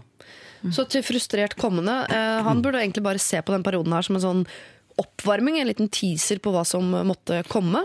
Så Martin for eksempel, til deg, Sigrid, han burde nå vite at i eh, framover herfra ut nå så blir det mindre sex, og jeg blir en mildere person enn jeg har vært tidligere. Og så må er han er bruke tida nå nå på må vi passe på, for at det er veldig ofte sånn at det, hvordan hun er nå under graviditeten, det er ikke sånn nødvendigvis hun kommer til å bli etter graviditeten. Det er ikke sånn at hun kommer til å grine masse etter at dette barnet har kommet. For da får Ganske mye sånn i begynnelsen. Nei, det er ikke sikkert. Og til Martin, den Eh, dama, hun kommer igjen. Det er, det er bare en liten periode hvor hun er borte fra det. Jo, men Ja, er jeg kan love at da babyen? hun si- sinnadama kommer helt sikkert tilbake igjen. Det er ikke- sånn er i hvert fall min erfaring. Det er veldig bra. Men er det kanskje en oppvarming på hvordan babyen blir? Da? Nå gråter denne eh, kjæresten din masse, og det kommer barn også til å gjøre. Så du er nødt til å lære deg å takle en eh, gråt på en helt annen måte. For den mengden av gråt i livet ditt kommer til å øke. Men det der forandringen av det at folk forandrer seg altså, øh, med perioder i livet, er jo dette eksempel på. Fordi at mannen er jo ikke forberedt på at denne damen forandrer seg. Akkurat som man ikke er forberedt på hvordan det blir å, å få et lite barn. For da tenker man sånn Herregud, skal jeg aldri kunne sove igjen gjennom en natt? Nei. Eh, eh, og det skal man. Men ikke nødvendigvis de første nettene eller første månedene eller første årene av barnas liv. Så man går i et annet modus, så, så øver man seg, og så blir man, blir man litt tilpasset det også. Så vi tilpasser oss jo hele tiden. Vi er ikke helt like, vi er ikke kalver hele tiden. Også, Du er i ferd med, jeg, bare, jeg med å si, du er i ferd med å gå fra å være bare kalv til å bli kalv og okse, og det kan du veksle på. Det ble, det ble topp liv, det der. Men det som er utfordrende nå, kan du se på som en øvelse til tida som kommer, som også kommer til å by på masse utfordringer. Så uh, du er nødt til å bli mer, eh, mer tålmodig, eh, kjære frustrerte Det er ingenting å glede seg til. Jo, jo, Jo, det er masse han skal jo Jeg være at vi kalv og det okse. Det er vel bedre enn å bare være kalv? Man blir jo dobbelt så mye. Men det er ikke så Jeg syns at vi tar det for alvorlig. Det er ikke så ille. Nei. Det er ikke så ille, for at han, tre- jeg tenker for det er et veldig sympatisk spørsmål. Han vil jo prøve å gjøre dette til det beste. Ja. Uh, men kanskje at uh, Ja, det kommer til å være kortvarig, dette her. Det er Ja. sånn som det er nå. Det kan jeg nesten love. Og så må man bare ja, ikke ta det så alvorlig. Og kanskje kommer kona også til å lære seg til å si at jeg får ikke til å lukeparkere. Kan ikke du være så snill å lukeparkere for meg? Og så tenker man, oh, så blir man litt oppsett av det. Syltetøy-lokktrikset. Som får mannen til å føle seg til å bli brukt noe i hjemmet. Det er eh, det jeg lærte da jeg lagde sånn kjæresteprogram på NRK. Tre.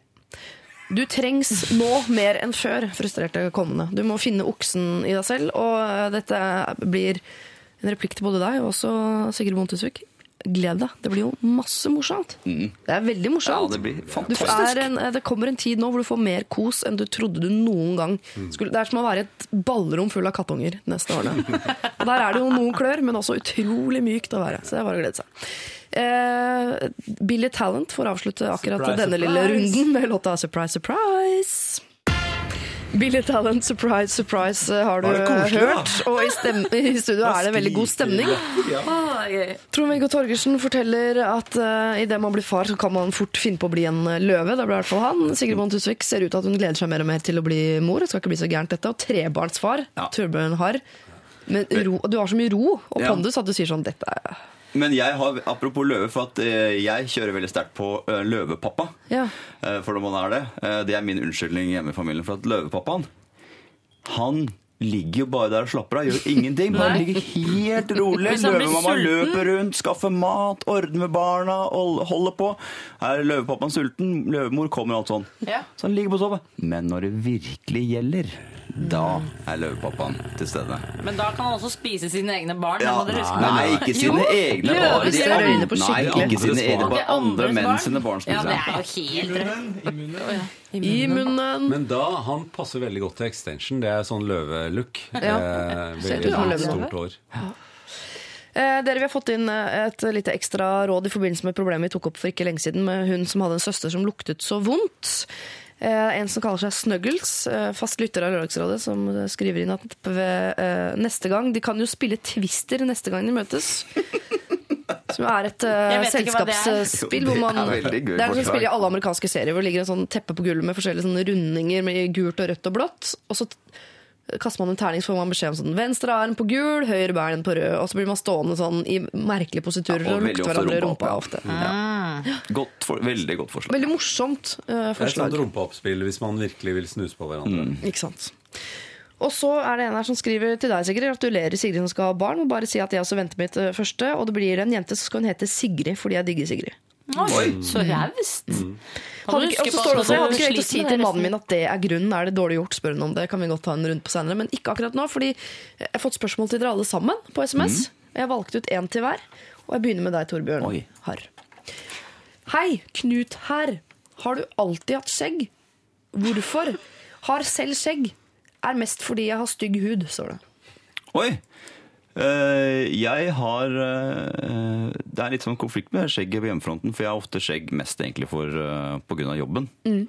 At jeg liker å forandre meg og gro skjegg og svære barter og for å liksom komme meg inn i en ny rolle. Kan du velge det selv, eller kan eh, han som har regi på teaterstykket for eksempel sånn Den figuren du skal spille nå, han har nok ikke skjegg, så det må bort. Ja, ofte så er det sånn samarbeid, men det kommer litt an på hvor stor produksjonen er, liksom, om du kan velge det selv eller ikke. Men nå har jeg gjort, gjort den der eh, Vikings-produksjonen her. Da liksom amerikanske produsentene kom og sa du skal ha skjegg. Ja. Eh, og da var det bare å gro i vei. Men ofte så kan jeg velge selv. ofte. Men eh, var det Jeg skjønte ikke Ja, spørsmålet. hvorfor har du det de gangene du velger å ha Har det privat? da, Når det ikke er rolle... Oh, ja. Eh, nei eh, Jeg har det vel ofte fordi at jeg vil eh, bli, føle meg litt annerledes liksom, i andre roller. sånn at eh, Det er ikke sånn at jeg er en skjeggemann sånn til privat ofte. Når føler du deg vakrest? Uh, de, med extensions. Med extensions, nei. uh, nei, jeg synes det, er, det var en periode at jeg likte å ha litt sånn skjeggstubbe, for da følte jeg meg litt mer sånn voksen. Ja. Uh, at da følte jeg meg ja, eldre og litt mer tøffere og maskulin. Ja. Men nå, etter å ha fått tre barn, så føler jeg at det er deilig, for da kan jeg glattbarbere meg og så fortsatt føle meg seg som mann. Ja. Men jeg har ikke noe råd, men det var kanskje... Du har ikke stygg hud under, da? Som, Eh, jo, jeg Sigrid hadde, hører at hadde det når jeg var yngre. Så hadde jeg mye kviser og sånn. Ja. Men da hadde jeg ikke skjegg. Nei. Så da Dårlig gjort. Ja, Ja, det var, dårlig timing. akkurat det er dumt. Ja. Sånn er det for veldig mange, at idet sånn, kviser forsvinner, så kommer skjegget. Det er så Ja. dårlig gjort.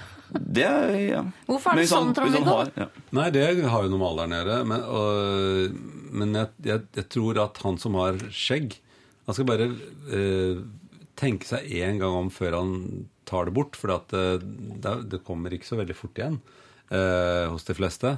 Eh, jeg husker da jeg tok skjegget, det første gang jeg virkelig tok skjegget, hadde sånn langt skjegg som deg, så da var jeg student. Og når jeg tok det skjegget, så følte jeg meg så rar. Ja, det var akkurat som jeg hadde forandret hele meg jeg tok det av.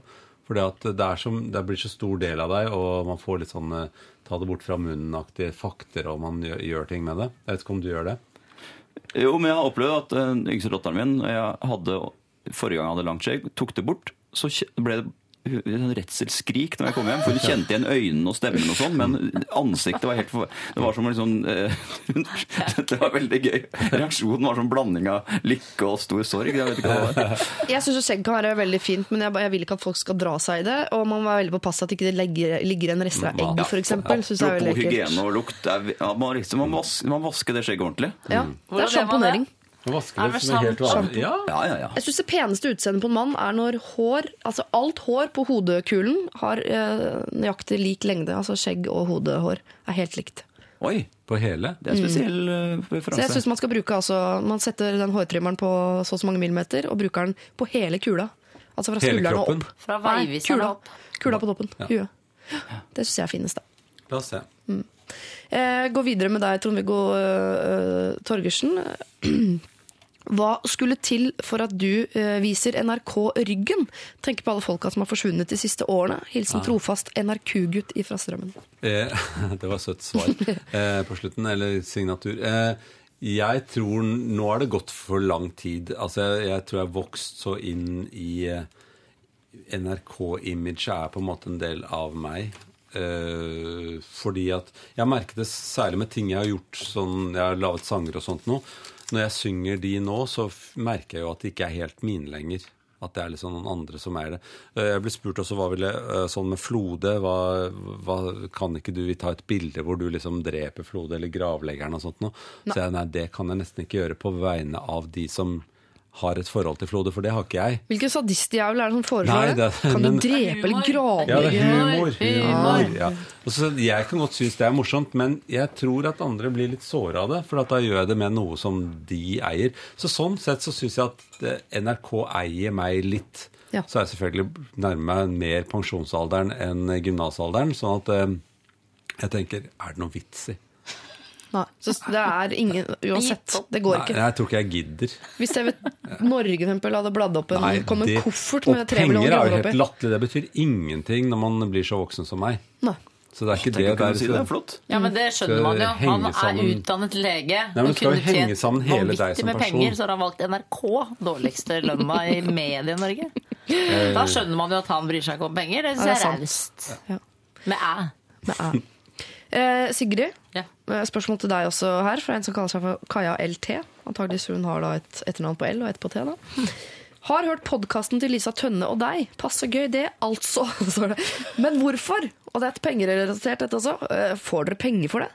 Nei, det gjør vi ikke. Vi bare gjør det helt frivillig. Det er noe som heter podkast der ute, og da kan man bare trashe iTunes med pjatt og ræl. Og det er jo veldig pjattete. Den siste episoden jeg og Tusvik og Tønne lagde, var jo helt eh, vill. Så vi får ikke noe penger for det, nei. Det er bare for moro. Du kan gjøre det sjøl òg. Du kjære Tiril LT, nei, var det Tuva? Kaja. Kaja LT. Det er bare å lage sin egen podkast. Det er bare å kjøpe mikrofon, smelle inn i Mac-en og dundre ut på iTunes. Så dere skjønner- sitter rett og slett sånn som vi gjorde når vi lagde sånn nærradio Ja. eh, når vi var små? Så sitter det. dere tre rundt og Play rec, sånn som vi gjorde på kassettspilleren. Så får ikke, det er ikke det noen sponsorinntekter, ingenting. Bare Du kan bare ta noen venner og lage teater på en scene. Og finne på, til og med. Og så kommer det ut. Så kommer det ut et Det- eller annet sted. det var er gleden med iTunes. Det var spørsmål Ikke. Dette hadde vi klippet bort, ikke sant? Akkurat Ja. det her. The Airborne High Fives og deres Monster, før det Muse og deres uh, Madness. Hepp, hepp, hepp, hepp. Mye M. Det, det er Unisap som var den reklamen.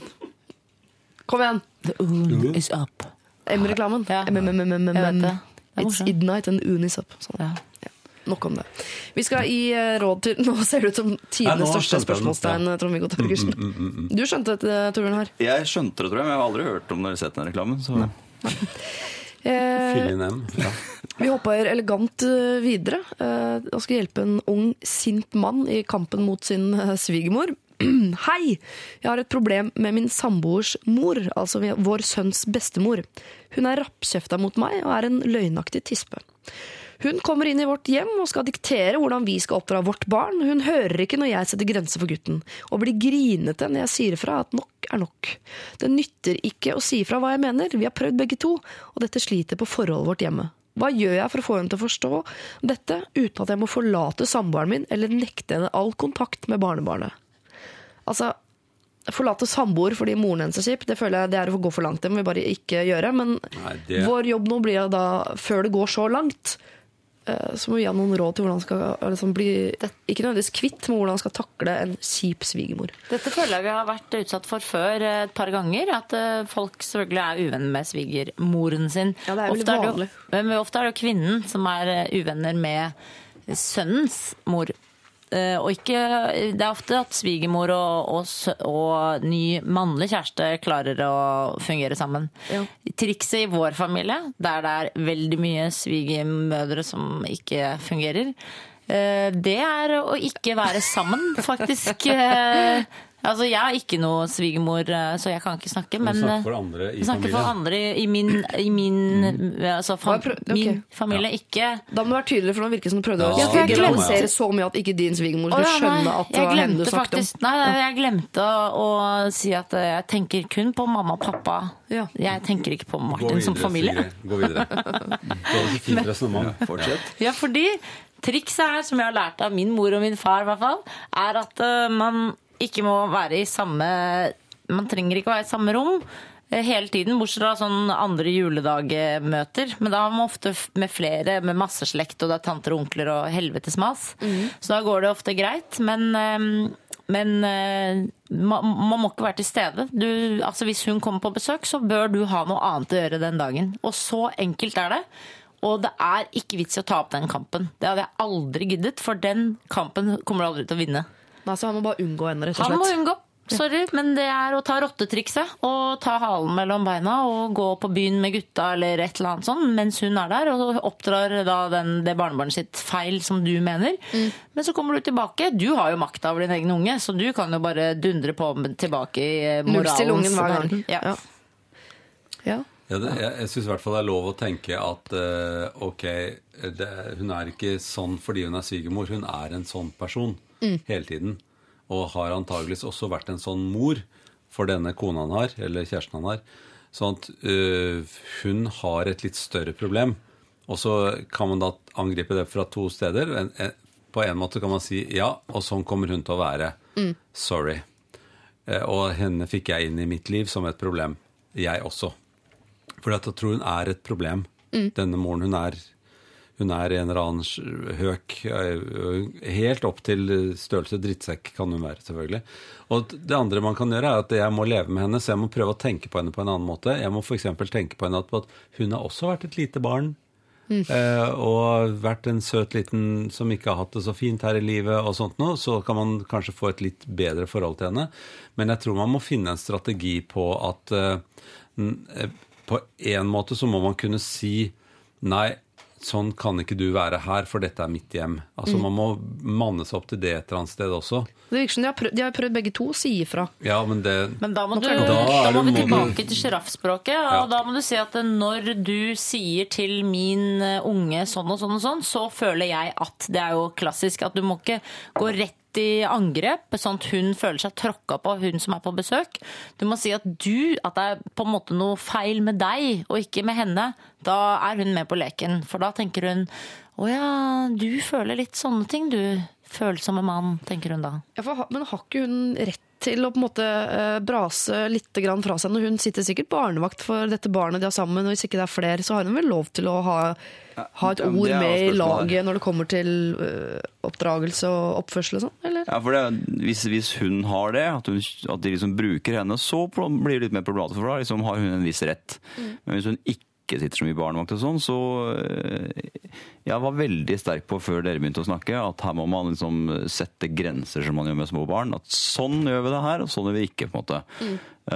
Men det er, jeg er litt enig med dere at det kanskje er like greit å bare skygge er veldig vanskelig det der, for at man har jo lyst til Det er moren til eh, kona di eller er kjæresten din, så det er jo det er bestemor til barna. Så det er jo viktig, og det er veldig viktig for barn å ha et, et eller annet visst forhold til besteforeldrene sine også. Ja, men Det det trenger ikke du å være. kontakt med barnebarnet, det nei, kan det man si nei til. For jeg tror ikke det som er veldig viktig, at det skal ganske mye til at barna blir skadet av en sånn eh, hissig og, og sur eh, bestemor. Det tror jeg skal mye til. Da skal det liksom være noe sånn uh, ordentlig alvorlig som er gærent. Mens eh, ja, Nei, vet da søren. Det, Men det, barnet det tar spørsmålet Barnet tar skade av at eh, foreldrene baksnakker bestemor hele tida, så det må man ikke gjøre. Nei. Og vi dro bare til bestemor, bare jeg og søsteren, veldig mye, og da var vi bitte små. Vi hang der med henne, og det er mye smartere enn at eh, alle kommer og barker sammen, og du merker jo noe så jævlig godt når du er barn, at her er det ikke god tone mellom eh, mor og bestemor. Så det er jo det jeg mener, at du må la bestemor være bestemor og holde på å være rar og alt mulig, så kan det hende at det barnebarnet er plutselig veldig lik sin bestemor. For det kan jo hoppe over ledd òg, vet du, så du er liksom veldig lik din egen bestemor.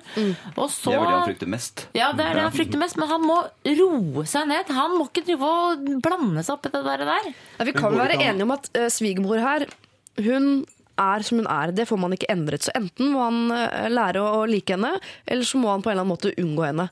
Men hvis hun har en eller annen rolle her hvor hun sitter barnevakt for dette barnebarnet, og det virker jo ikke som hun er en sånn som gjør slemme ting eller ikke bryr seg, for hun, hun kommer jo inn og dikterer hvordan de skal oppdra barnet. Ergo hun er opptatt av barnet og oppdragelse, men hun har en, et annet syn på det enn da eh, innsender. Men da, jeg tenker sånn med min eh, mor at hva du og mine barn gjør sammen når dere er sammen, det legger ikke jeg meg opp i. Nei. Med mindre altså, vi er utenfor de norske lover. Men altså, hold på om det er eh, sukker fra ni om morgenen uh, hver dag. Når det, det, altså, du, hos deg er det dine regler. Mhm. Men jeg håper jo, det, vi har ikke kommet opp i den situasjonen ennå, men jeg håper jo at hjemme hos meg, hvis vi har en eller annen regel, at hun ikke går Hun må jo respektere reglene i vårt hus. Nei, det det synes jeg er veldig, kan, jo, det kan man sette som et eh, slags krav. At her gjelder de tingene, og dette er reglene. Ja. Eh, men ellers så kan du få gjøre akkurat som du vil. Akkurat som hun må godta at vi gjør som vi vil. Ja. Så at hun kommer og dikterer hvordan de skal oppdra barna sitt, det går ikke an. Da det må man sette ikke. grenser. Da må hun vente til hun er alene med de barna, og Ja. så må hun gjøre det hun syns er riktig. Det er det. Men igjen, det er et sånt etterslep eh, over at eh, folk er fra forskjellige generasjoner, så jeg tenker at kanskje hun eh, har lyst til å være sånn eh, bestemor som bare er grei og ikke er sånn som hun var med barna sine. Sånn at det må hun få lov til å være særlig hjemme hos seg, syns jeg er veldig fint. Ja. Hvis barna kommer dit, så er det hennes regler som kan gjelde. Men hun må få en slags beskjed om at vi Det er akkurat, det er en ting som, som krasjer litt når du er her hos oss, for da gjør du sånn med barna våre. Og her hos oss har vi litt problemer med å få lagt dem, så ikke gjør det før de skal legge seg. Kan ikke vi ta den leggetingen, og så gjør vi det sånn som vi gjør her. For du har vært her noen ganger, og da blir det bare baluba. Um, eh, men da må man igjen begynne å snakke om ting, og det er en voksen ting å gjøre. da, Å si at nå er vi foreldrene, og vi prøver å få til det og det. Kan ikke vi ha det litt sånn her? Så kan vi hjemme hos deg, kan du, du gjøre hva du vil. Men eh, her har vi tenkt at det skal være sånn og sånn. Og så får de ikke noe godteri etter at de har pusset tennene, og når de legger seg, så gjør vi sånn. og Altså vi gjør en del ting som vi gjør her, og så må man orke, hvis da man inviterer moren til å være der i, på, på hjemmebane hvor det er deg som har reglene, så må man orke å både si fra og også være litt sånn langmodig, som det heter på bibelspråket. At man ikke fyrer opp de største rakettene med en gang, men at man prøver å utsette og gjøre rundt deg litt lenger når svigermor er her. Ta den samtalen etter at barna har lagt seg. Der, for det er Ja, også som Sigrid sier, at de eh, barna merker den dårlige stemninga. Ja. Det kan man godt bruke det kortet der. Si sånn, vi vil ikke at barna skal merke at jeg er irritert på deg. Men det er jo litt irritasjon når du er på besøk fordi vi er uenige om hva som er reglene her. Men øh, å si sånn Vi har regler om at det ikke er godteri på tirsdager. Og da kan ikke du etterpå si sånn Jo da, du får av meg. Da må du ellers si når du kommer til meg, så kan du spise godteri hele uka. Det må være lov. Men her i dette huset, Epleveien 18, er ikke det lov. LR, hva står LR for? LR står for, altså L-en står for lørdag, og R-en står for uh, rådet. Jeg spør for at Torbjørn spurte, eh, så jeg spør for Torbjørn, egentlig. For uh, Torbjørn vil veldig gjerne ha mailadressen vår, og det er LR for Lørdagsrådet at NRK, eller alfakrøll, som sier det her i NRK. For Norsk Rikskringkasting. NRK eh, som da står for Norge, da. Ikke sant? Kan jeg bare si én ting før vi går videre? Kort, Ja. kort, kort. Det Ja. viktigste her i den situasjonen er at han og kona eller kjæresten er sammen med dette her i forhold til moren. Ja. Uh, og at de får en sånn at de blir en sterk liten kjerne. For det er det flotteste i verden, å være en sterk liten kjerne av familie. Og da kan man tåle mye mer fra så fetter og kusiner og besteforeldre og svigerforeldre. Men du er virkelig litt voksen, du. Han, han, har jeg synes det er levd, sånn- han har levd Ja, under det skjegget. Fortsett å rose hverandre! Det er, det er bare kjempehyggelig at dere driver med det. eh, mens resten av norske folk får høre JC og Beyoncé. Du hører på Lørdagsrådet med Siri. JC og Beyoncé, så søtt. Bonnie and Clyde Hvorfor er det eh, søtt?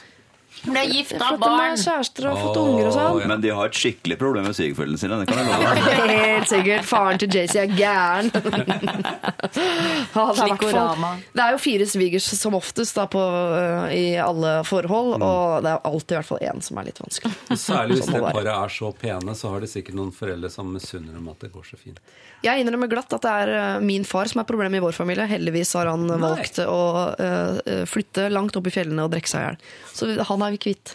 Og det er veldig deilig å få for opptil flere i vår familie. Har vi ikke nyheter i det programmet her? Det var Nei. en nyhet. Og det var en nyhet, ja. Jeg har bare snakket om meg Kanskje en gammel nyhet, men eh, det kommer jo an på hvem som hører på. Eh, I dagens lørdagsråd sitter eh, alltid blide eh, og innimellom også gravide Sigrid Bonde Tusvik. Eh, Vi er altså med oss direkte fra Frida med hjertet i hånden, Torbjørn Harr. Kommer rett fra innspillinga. Ja.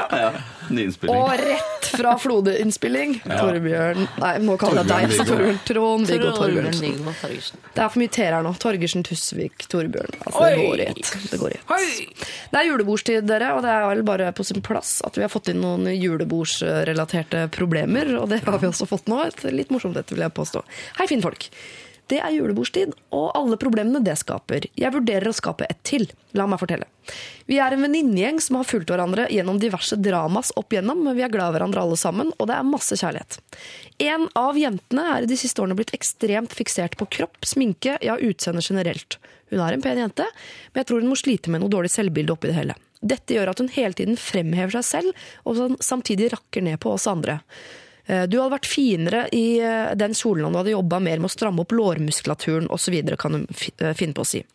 Hvis noen kjøper seg noe, kommenterer hun alltid at det er en kopi, og at originalen er finere. Selv bruker hun sykt dyre klær, mastercard står det i parentes her, og hun prøver også våre klær, og kan finne på å si at de sitter bedre på henne. Summa summarum, hun har såra mange, og forventer samtidig komplimenter for klær og kropp hele tiden.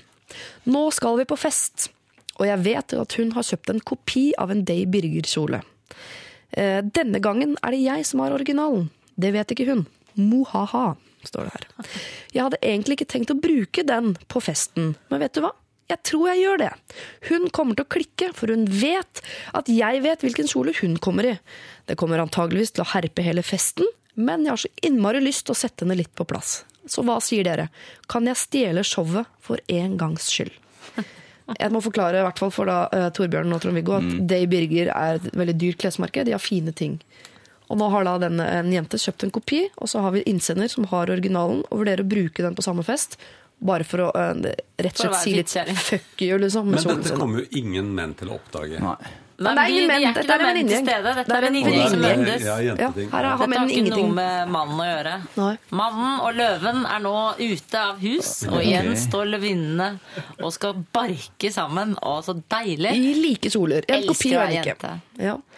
Tenk så mye gøyere vi har det, vi jentene. For det var mye mer action i livet, og mye mer å tenke på. Ja, Sånn. men Det høres så slitsomt ut. Ja, men det er Ja. ikke noe sånn Ja, vi møter Ja, gutta vi nede på quizen. er Hva skal vil dere gjøre med det?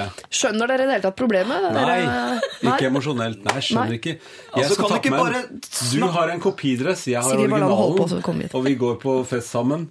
Who cares? Ja, det er Nothing happens. Begge to har med skjegg Ja. I ansiktet. Ja. Og hvis den ene mannen driver og skryter seg selv og snakker om nye etablerte muskler, og at den andre, de andre er stygge, liksom, så må, han må skjerpe seg noe jævlig. Ingen som gidder være sammen med han. Får ingen poeng. Vekk med han fra vennegjengen.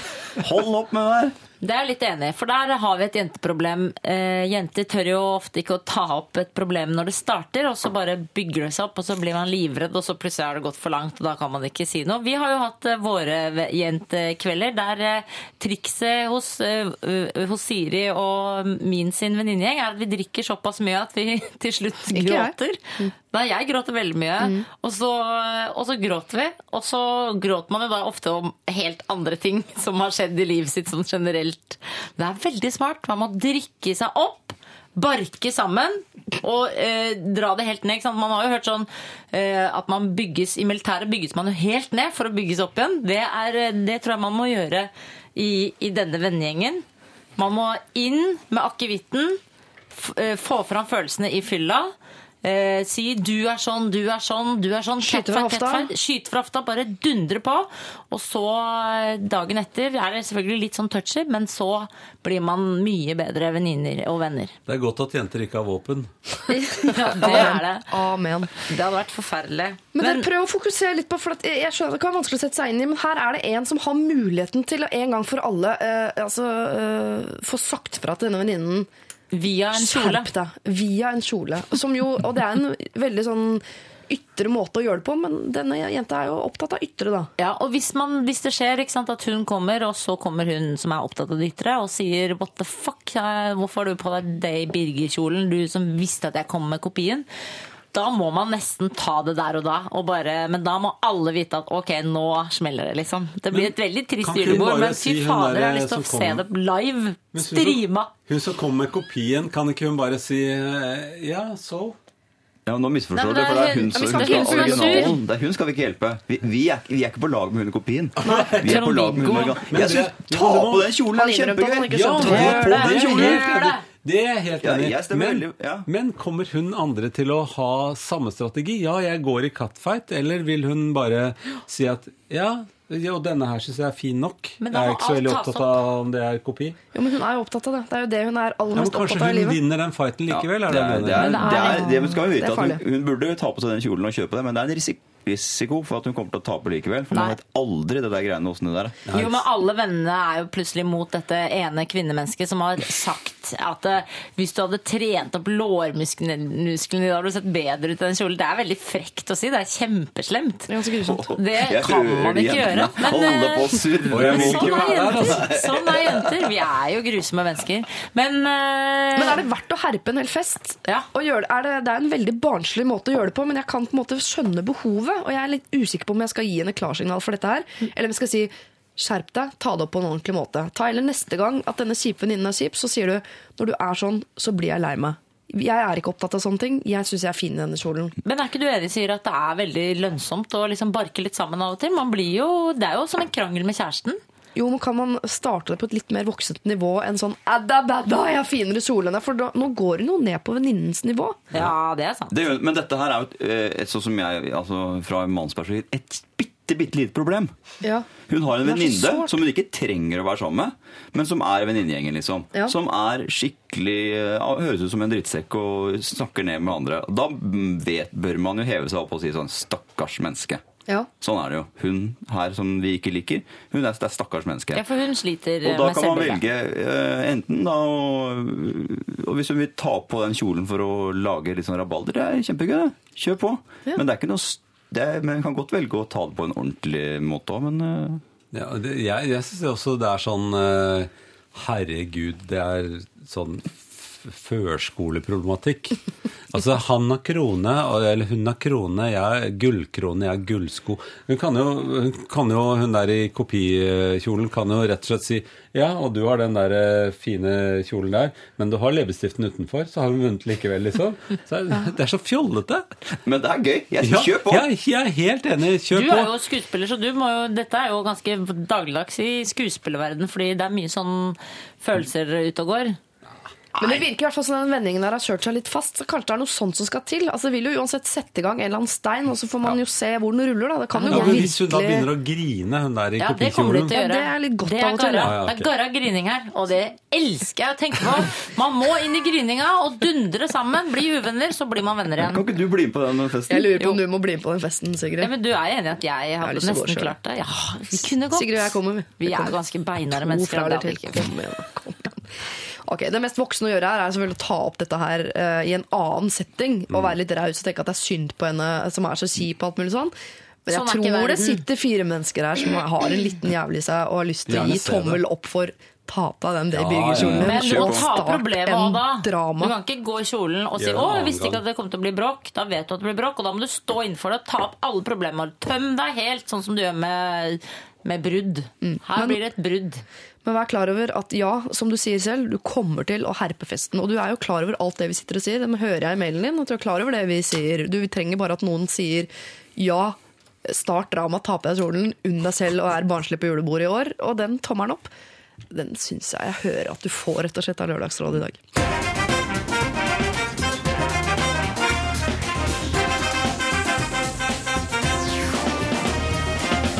Mumford Sons, I Will Wait. Fantastisk uh, låt. Nå ser jeg at vi er inneklemt mellom to av mine favorittlåter. Oi. Vi har hørt I Will Wait, uh, Mumford Sons, og skal om en liten stund høre The Ark, It Takes a Fool to Remain Sane. Skal vi høre den med en gang? Nei, nei, nei, nei. Jeg skal kose meg i midten av denne sandwichen en liten ah. stund til før vi går videre. Men vi kan kose oss med litt sånn tilbakemeldinger som vi har fått per SMS. For eksempel et spørsmål kan vi begynne med da. Det står Hei Siri, er du med i andre programmer på NRK? Hørte på Livet og er trofast lytter av Lørdagsrådet. Hilsen Inger Lisse. Kan du svare på det for meg, Trond-Viggo? Hva da, om du er Om jeg er med i andre programmer? Ja, kom med 20 spørsmål. Eh, Ikke det, da! Oh, nei, unnskyld. Det Ikke andre ditt program! Vårt program! Og det er Hva? I P2.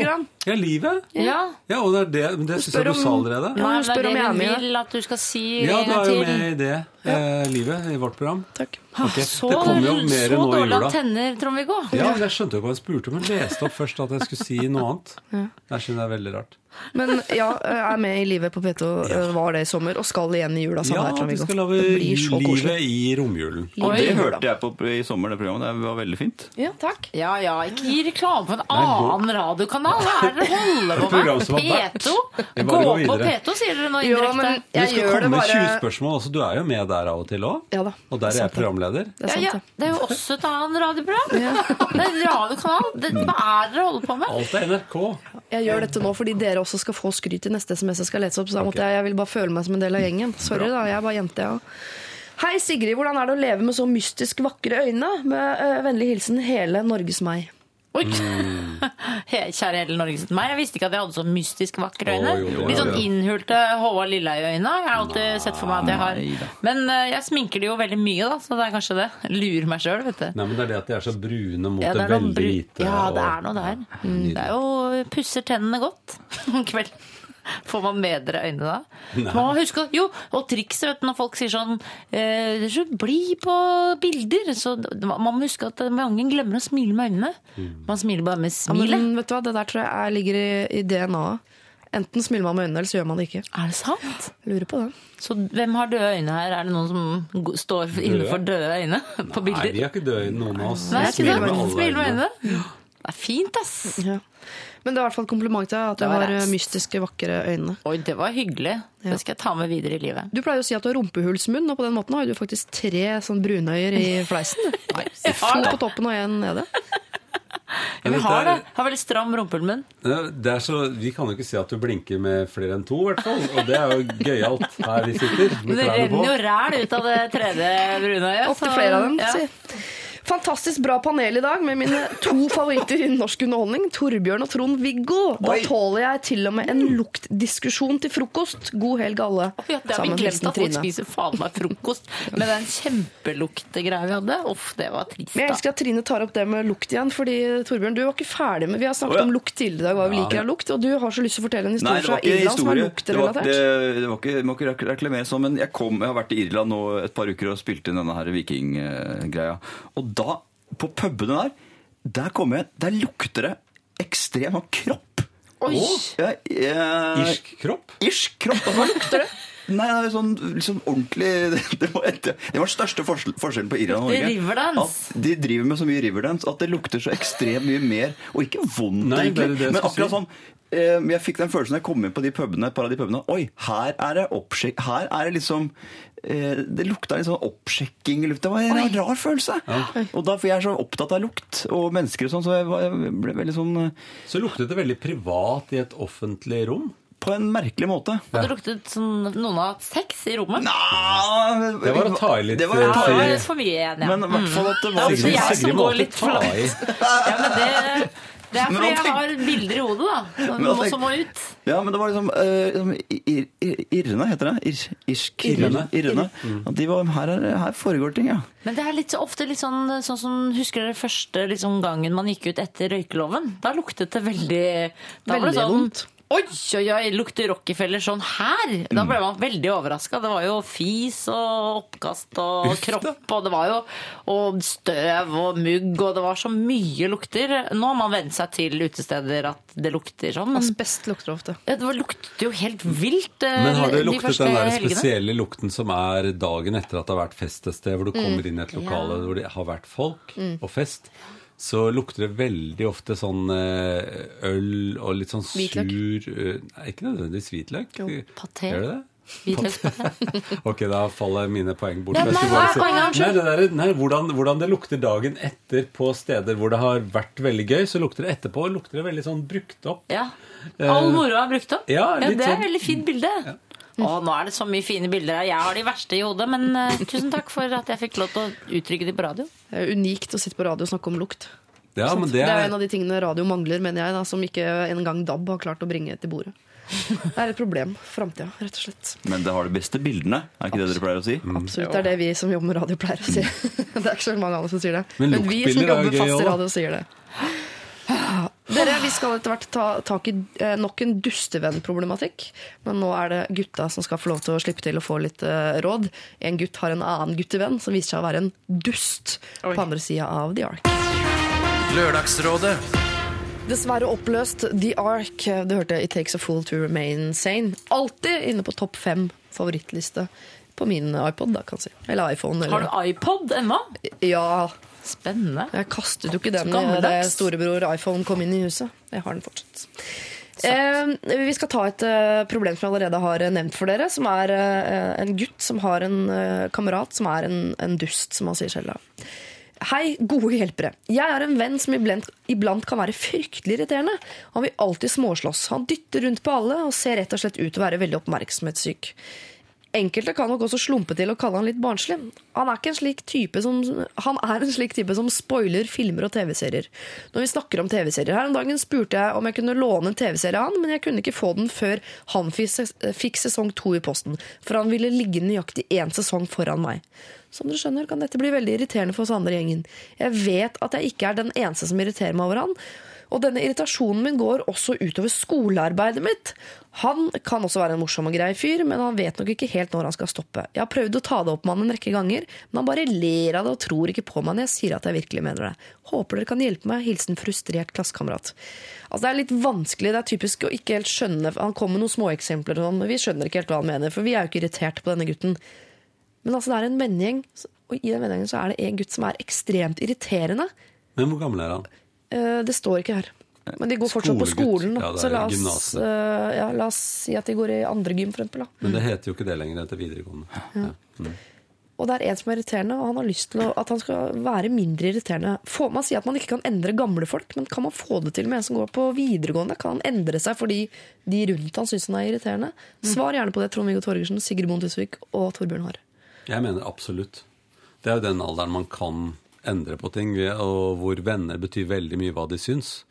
For det går jo over etter en stund. Ja. Uh, og det, gikk, det, det, det kortet hadde liksom foreldrene dine, og så går det til vennene dine, og så, og så går det gjerne til kjærester og andre ting som er nære relasjoner. Men sånn at uh, jeg tror at man kan endre på ting, men hva, hvordan skal man påvirke han? Da må han jo få høre det på en eller annen måte. eller for ellers så kommer plutselig livet krasj i ansiktet på deg når du er ute i 20-årene, og det er mye vondere hvis du er en drittsekk eller tullebukk eller egoist eller hvordan du ønsker å ordlegge deg. For at det, er jo, det er jo lite følsomt av mye av det han sier, da. Eller Ja. barnslig, eller ja, rett og slett litt dustete. Kanskje han er et stort barn, bare.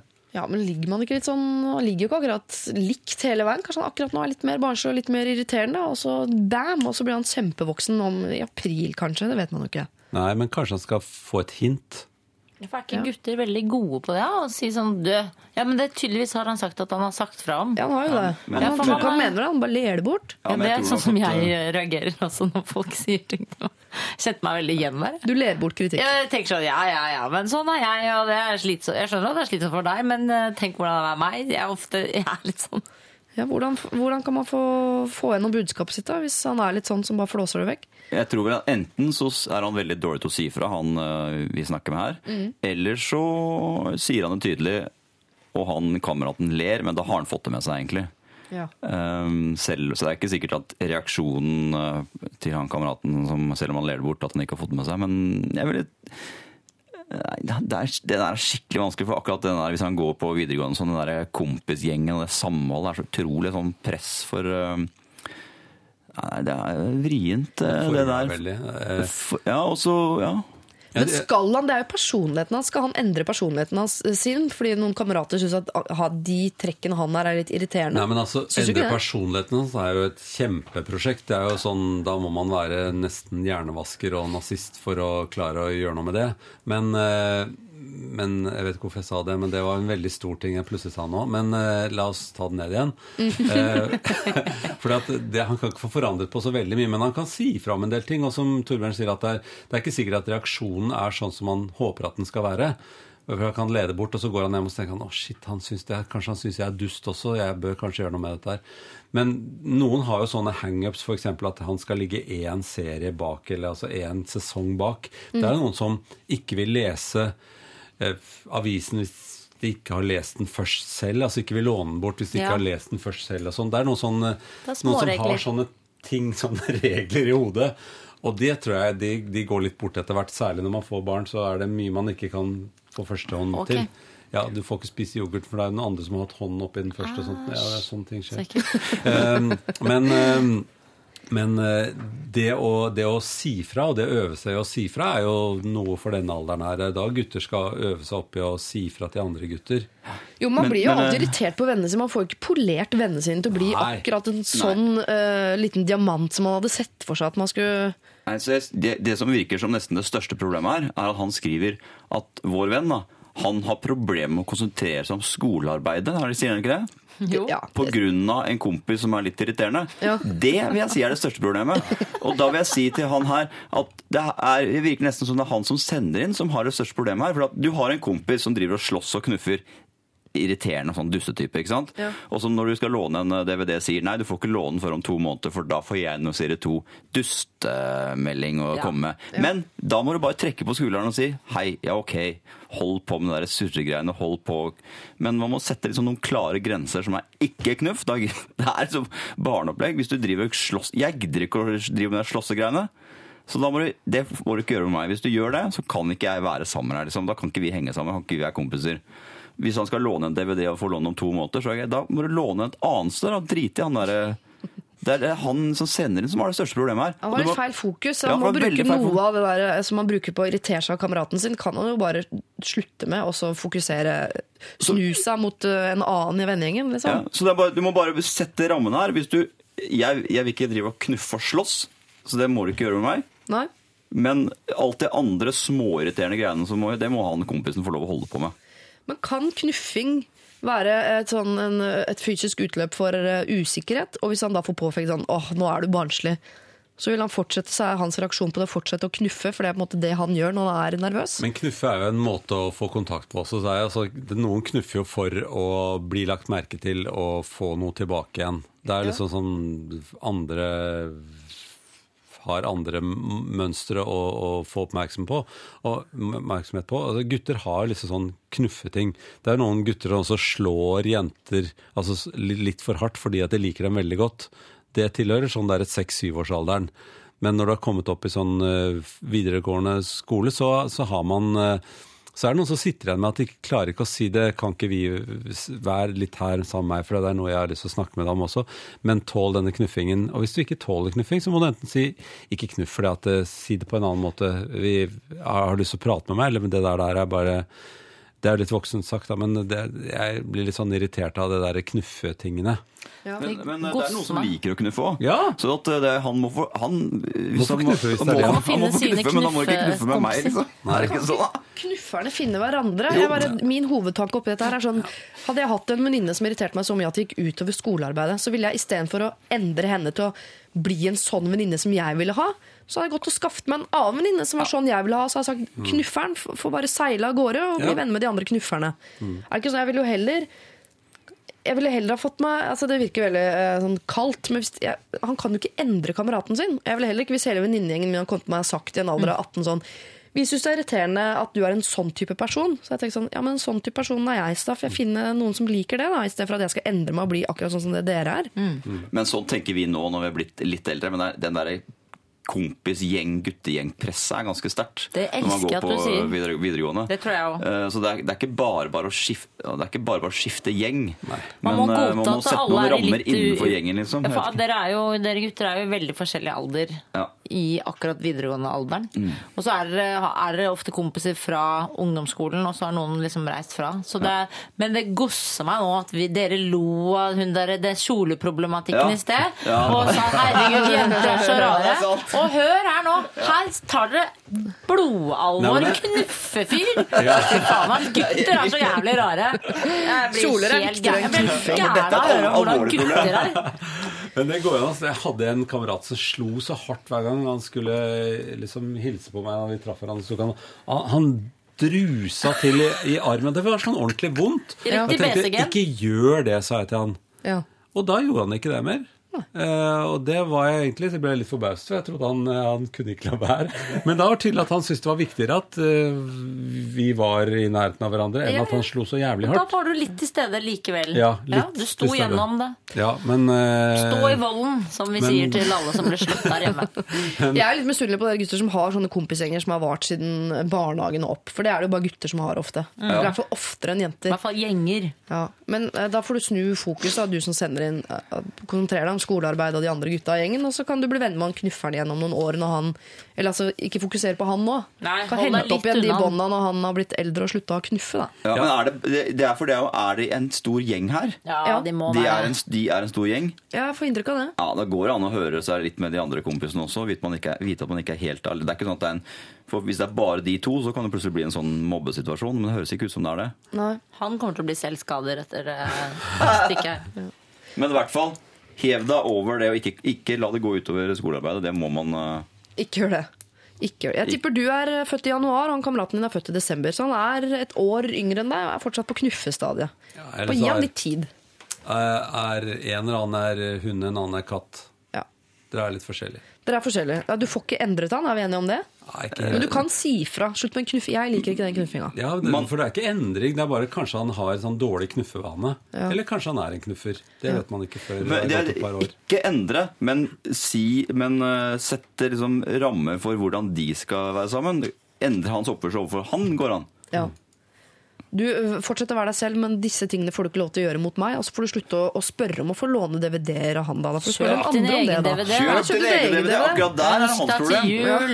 Herregud. Lørdagsrådet Det har bredt seg en deilig lukt av hvitløk her i, på vårt arbeidskontor, Lørdagsrådet, mens Frank Ocean Swim Good har blitt spilt, og Adele Skyfall, så har nemlig alle, mer eller mindre andre, fått trøkt i seg litt sånn uh, hvitløkspaté. Åssen er det med deg, Torbjørn? Du Jeg, hoppet av, over? jeg avstår. Du avstår, ja. Med både Sigrid Bonde Tusvik Nei, jeg og Trond-Viggo Torgersen har kjøpt paté. jeg Jeg kommer til å hilse på den pateen. i løpet av dagen. Det blir hyggelig. Det er jentene som står for den vonde lukta i eh, studio i dag. Sånn er det. Går så flott at det.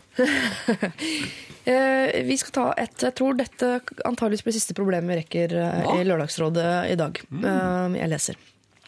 Vi har vært sammen i overkant av ett år. Jeg er 26, han er 35. Begge jobber, dyrker karriere og hverandre. Vi bor sammen og har det veldig bra. Har ingen planer om barn i den nærmeste framtid. Det kommer når det kommer. Men jeg har i det siste tenkt mer og mer på giftermål. Jeg vurderer faktisk å fri. Jeg har ikke vært så opptatt av sånt før, men, øh, men forholdet vårt er skikkelig bra, og vi har det bra sammen, så jeg ønsker på en måte å ta det videre. Rett og slett bli mann og kone. Er det teit? Er det tidlig? Alle sammen sier 'føles det riktig, så er det riktig', osv. Men vær helt ærlig. Jeg vil høre dette fra en manns point of view. Samboeren min er for øvrig, for øvrig en so-called mannemann. Med det mener jeg en som dør av å se romantiske komedier, og som til stadighet nevner den ene gangen han kjøpte blomster. Tviler voldsomt på at eh, jeg blir overrasket med champagne og giftermål, hvis dere skjønner hva jeg mener. Hilsen undrende. Det er da en kvinne på 26 som vurderer fri til sin mann på 35. Og eh, alle venner sier 'kjør på', dere har bare vært sammen en år, kjør på. Føles det riktig, så er det riktig. Men hun har også et ærlig svar, helst fra menn, på om hun skal fri til mannen sin. Om hun skal ø, fysisk fri, Ja, Til sin mannemann. er det veldig vanlig at det er veldig begrensninger på det fremdeles? Er ikke det litt sånn ø, gammeldags romantisk? At man, man skal fri? På papiret er det jo sånn at vi har kommet så langt at nå er det samme av hvem og sånn, men i praksis er det fortsatt ikke så mange jenter som frir, uten å i så fall gjøre det fordi de føler seg litt gærne, eller for å poengtere at, det, at det- sånn har det blitt. Og da gjør de ofte det på skuddårsdag, og det er så jævla mye dumme regler der, ass. Jeg må si at jeg hadde blitt litt skuffa hvis det ikke var jeg som fikk fri. Ja. Hvis uh, min kjæreste, som nå er min kone, fridde til meg. Men det går an å snakke om det. Hvorfor hadde du blitt skuffa da? Nei, for det er eh, at, at Tilbake til løve Det er liksom en av de få tingene som vi menn har igjen. da At der er en, at akkurat Og hvis han har gitt blomster én gang, tenk deg når han setter seg ned på knea. Det ble sterkt, det. Uh, så men, men uh, Så bare uten å ha snakka om det og fri hvis, jeg skal, hvis hun spør om et ærlig svar eh, Jeg som mann hadde blitt sånn "Ah, Det der var det jeg som skulle gjøre. Ja. Men det går an å snakke om det. Ja. Og hinte. Eh, forsiktig. Og liksom høre hvordan er det, hva tenker du? liksom De har vel kanskje gjort da, siden de diskuterer barn, men uh, i hvert fall å gjøre det forstått at eh, det er en mulighet, og at det kanskje blir et ja. Jeg vet ikke. Men det er, det er derfor jeg tror på en måte at jeg, jeg synes Det føles litt gammeldags. For at jeg ville synes det var veldig viktig at det var meg som gjorde sånne ting. For at jeg ville følt at Eller jeg føler da at noe av det å være mann er å ta noen alvorlige beslutninger over sitt eget liv. Og det handler også om å å både stå for at man er blitt gravid med noen, og altså en, Det er en del sånne svære ting som menn er nødt til å forholde seg til veldig sterkt, syns jeg. da. Alle menn som klarer det, da. Men det syns jeg man skal. Ja. Det ligger til å være mann, syns jeg, Og, og stå opp for det, det man er, og, og, og, ta noen avgjørelser. Så jeg, har, jeg ville, som Torbjørn, blitt veldig følt meg veldig tatt ved nesen, og, og noen hadde tatt bort min ting. Hvis jeg var blitt fridd til på en sånn omvendt måte, liksom. Én ting er at hun hadde sagt at jeg har så lyst til at vi skal være sammen, og jeg har så lyst til at vi skal gifte oss. Men akkurat selve det derre å ta den beslutningen, og fri, og ta et ja eller nei, det synes jeg Det vil jeg følt veldig sterkt at var i min rolle. Men hvis han er en sånn mannemann som aldri kommer Eller hvis han er en sånn fyr da som aldri kommer til å fri. Det er det hun er redd for. Det er det hun mener med at han har kjøpt blomster én gang og kan ikke se romantiske komedier. Og i det legger hun at jeg tror han er en type mann som aldri kommer til å fri. Så hvis det skal giftes her om bord, så blir det jeg som står for spørringa. Det er veldig mange jenter som, eh, som tror. Ja. Men det viser seg at eh, selv om det, Folk blir jo gift fortsatt, og det er veldig ofte menn som frir. Men det er bare at kvinner ofte er litt mer utålmodige enn eh, menn når det gjelder de greiene der. Eh, Så det tror jeg ikke er riktig. Og hvis han er en mannemann, sånn som Trond-Viggo og jeg mener at mann er, så er det å ta ansvar når det virkelig gjelder, og da kommer han til å gjøre det. Men må man det? Jeg er jo veldig mot frieri generelt. Da. Jeg syns det er ganske gammeldags i utgangspunktet at man må fri til hverandre. Man kan bare bli enige om å gifte seg. Men eh, for, det er jo overraskende hvor, eh, hvor eh, kjønnsrollemennesker dere var. I verden. Dere vil gjerne fri begge mennene her. Det er det samme, jeg føler at det er det samme som å si sånn når, når kvinnen fikk stemmerett.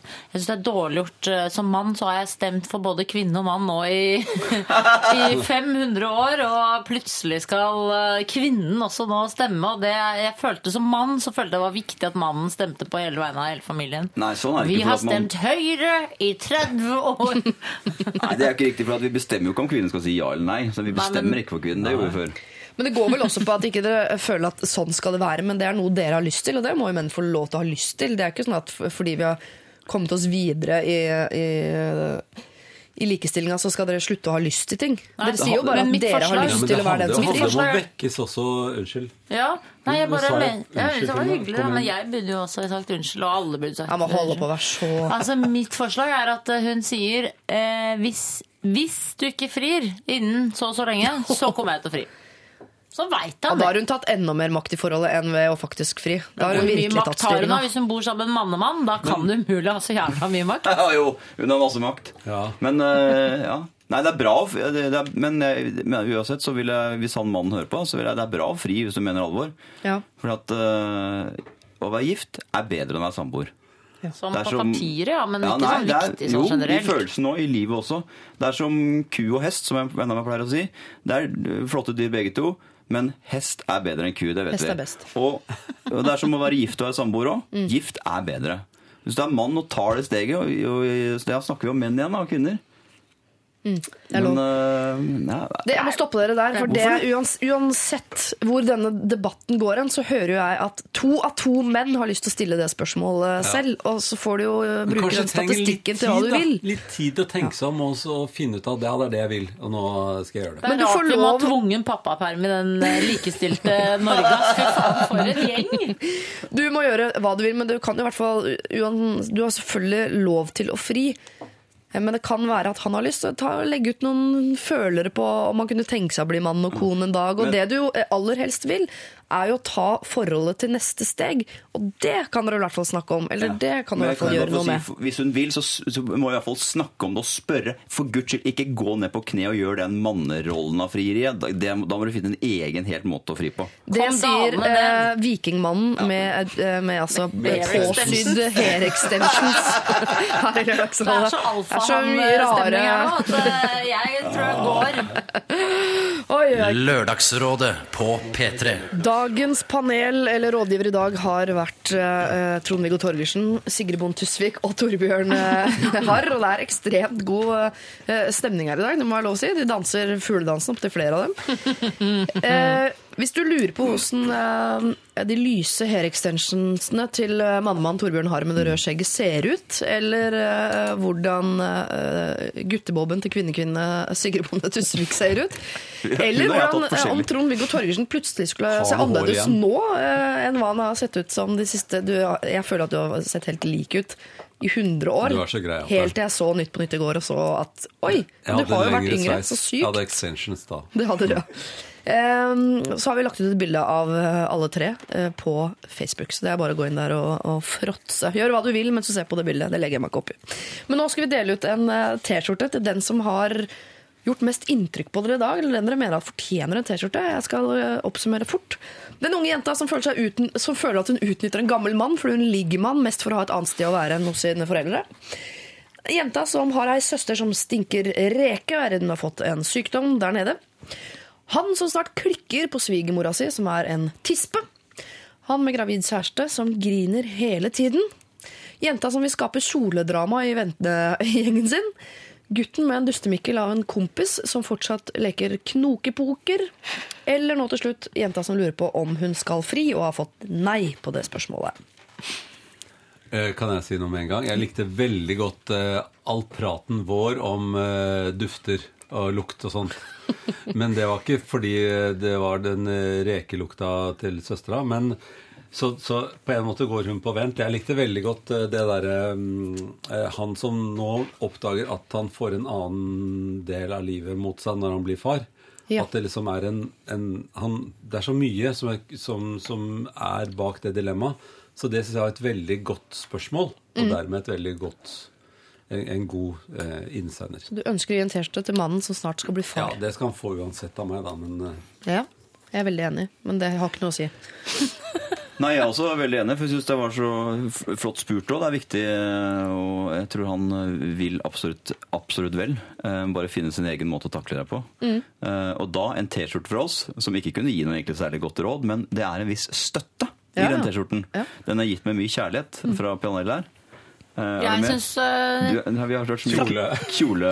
Ja, jeg synes kjole Enten så burde hun med kjolen fått det, fordi der skal det jo være en jævlig catfight ja. og drita og mye grining nå framover i den vennegjengen, og da er det greit å bare slenge en T-skjorte i ansiktet på hun dama og si at jeg har tatt opp på Lørdagsrådet til og med! Og jeg vant! Ja.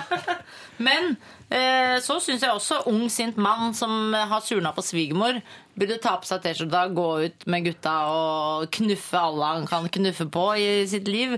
Eh, fordi han fortjener også. Men jeg kan godt gi meg på det derre alfahanne-møtet vi har her nå, med løvefedre og Det er ikke måte på. Eh, det, for dere, det, jeg syns det er veldig fint at dere tar papparollen så seriøst. Jeg som har kritisert dere for å være veldig mennemenn nå i det siste. Men det er også at vi tar eh, at- på å si samboerrollen i det. Altså Ikke sant? Det er fint. Det er så fint, for da tar man veldig det seriøst, og da kan jeg godt gi meg på det sånn, som feminist. Det er noe fint at gutten som skal bli far, får en støttende T-skjorte fra to som allerede er fedre og vet åssen det er, og med en uh, tvilende tommel opp også fra Sigrid, som ikke vet Ikke hva den går inn i. Ikke sant? Jeg skal aldri bli far. det, altså. Og den T-skjorten skal gå i arv fra sønn til sønn til sønn i hans familie i mange mange generasjoner. Da blir det altså T-skjorte til deg som snart blir uh, pappa, og kanskje du også trenger en støttende T-skjorte etter hvert som du nærmer deg uh, din lille fødesituasjon. Sigrid. Ja. Shit, må man føde i, Lørdagsrådet-T-skjorte? Er det kravet for å være med? ja, ja, vi legger det på Facebook. Vi skal streame, så streames, og dette blir eh, kjempefint. Eh, neste gang her i Lørdagsrådet så kommer vi til å eh, få besøk av en kollega av deg, tror jeg Torbjørn har. Helene Vikstvedt. Oi! En, Ja. Vi skal spille teatersport på teateret i kveld, vi. Teatersport på teatret i kveld. Ja. Ja, På det andre teatret, eller? Jepp. Ja.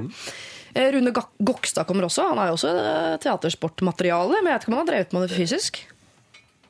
Nei, jeg er usikker. Det vil vi ikke snakke om. Det vil vi ikke snakke om. Og Gaute Grøtta Grav, kompis av deg, Sigrid. Han kommer også neste lørdag. Flott. Eh. Men eh, vi tar jo imot problemer også i uka som kommer. Så hvis du har noen problemer du vil at vi skal ta opp, så sender du det inn eh, som mail. da. Ikke bruk SMS. Eller alfakrøll nrk.no er mailadressen vår, så tar vi det altså eh, med oss. Eh, nå har vi et minutt igjen å snakke, folkens. Flott! Jeg følte at Er det noe som skal nevnes? Nei, jeg, jeg hadde Podkast skal nevnes. Podkast nevnes. At det kastes i pod Ja, det kastes i pod, dette her. også. Eh, Via iTunes eller nrk.no eh, podkast, for den saks skyld. Og så må vi nevne at han jeg har mest medfølelse med i dette programmet, er det er han som blir knuffa. Å, ja. Det, er det sant? Er det han som vinner din Han eh, min Sigrid, da må du si at du har hund i kjolen. Ja, jeg har hund i kjolen. Og ikke de dustevennkompisene. Herregud, hva, jeg er så glad jeg ikke er gutt på videregående.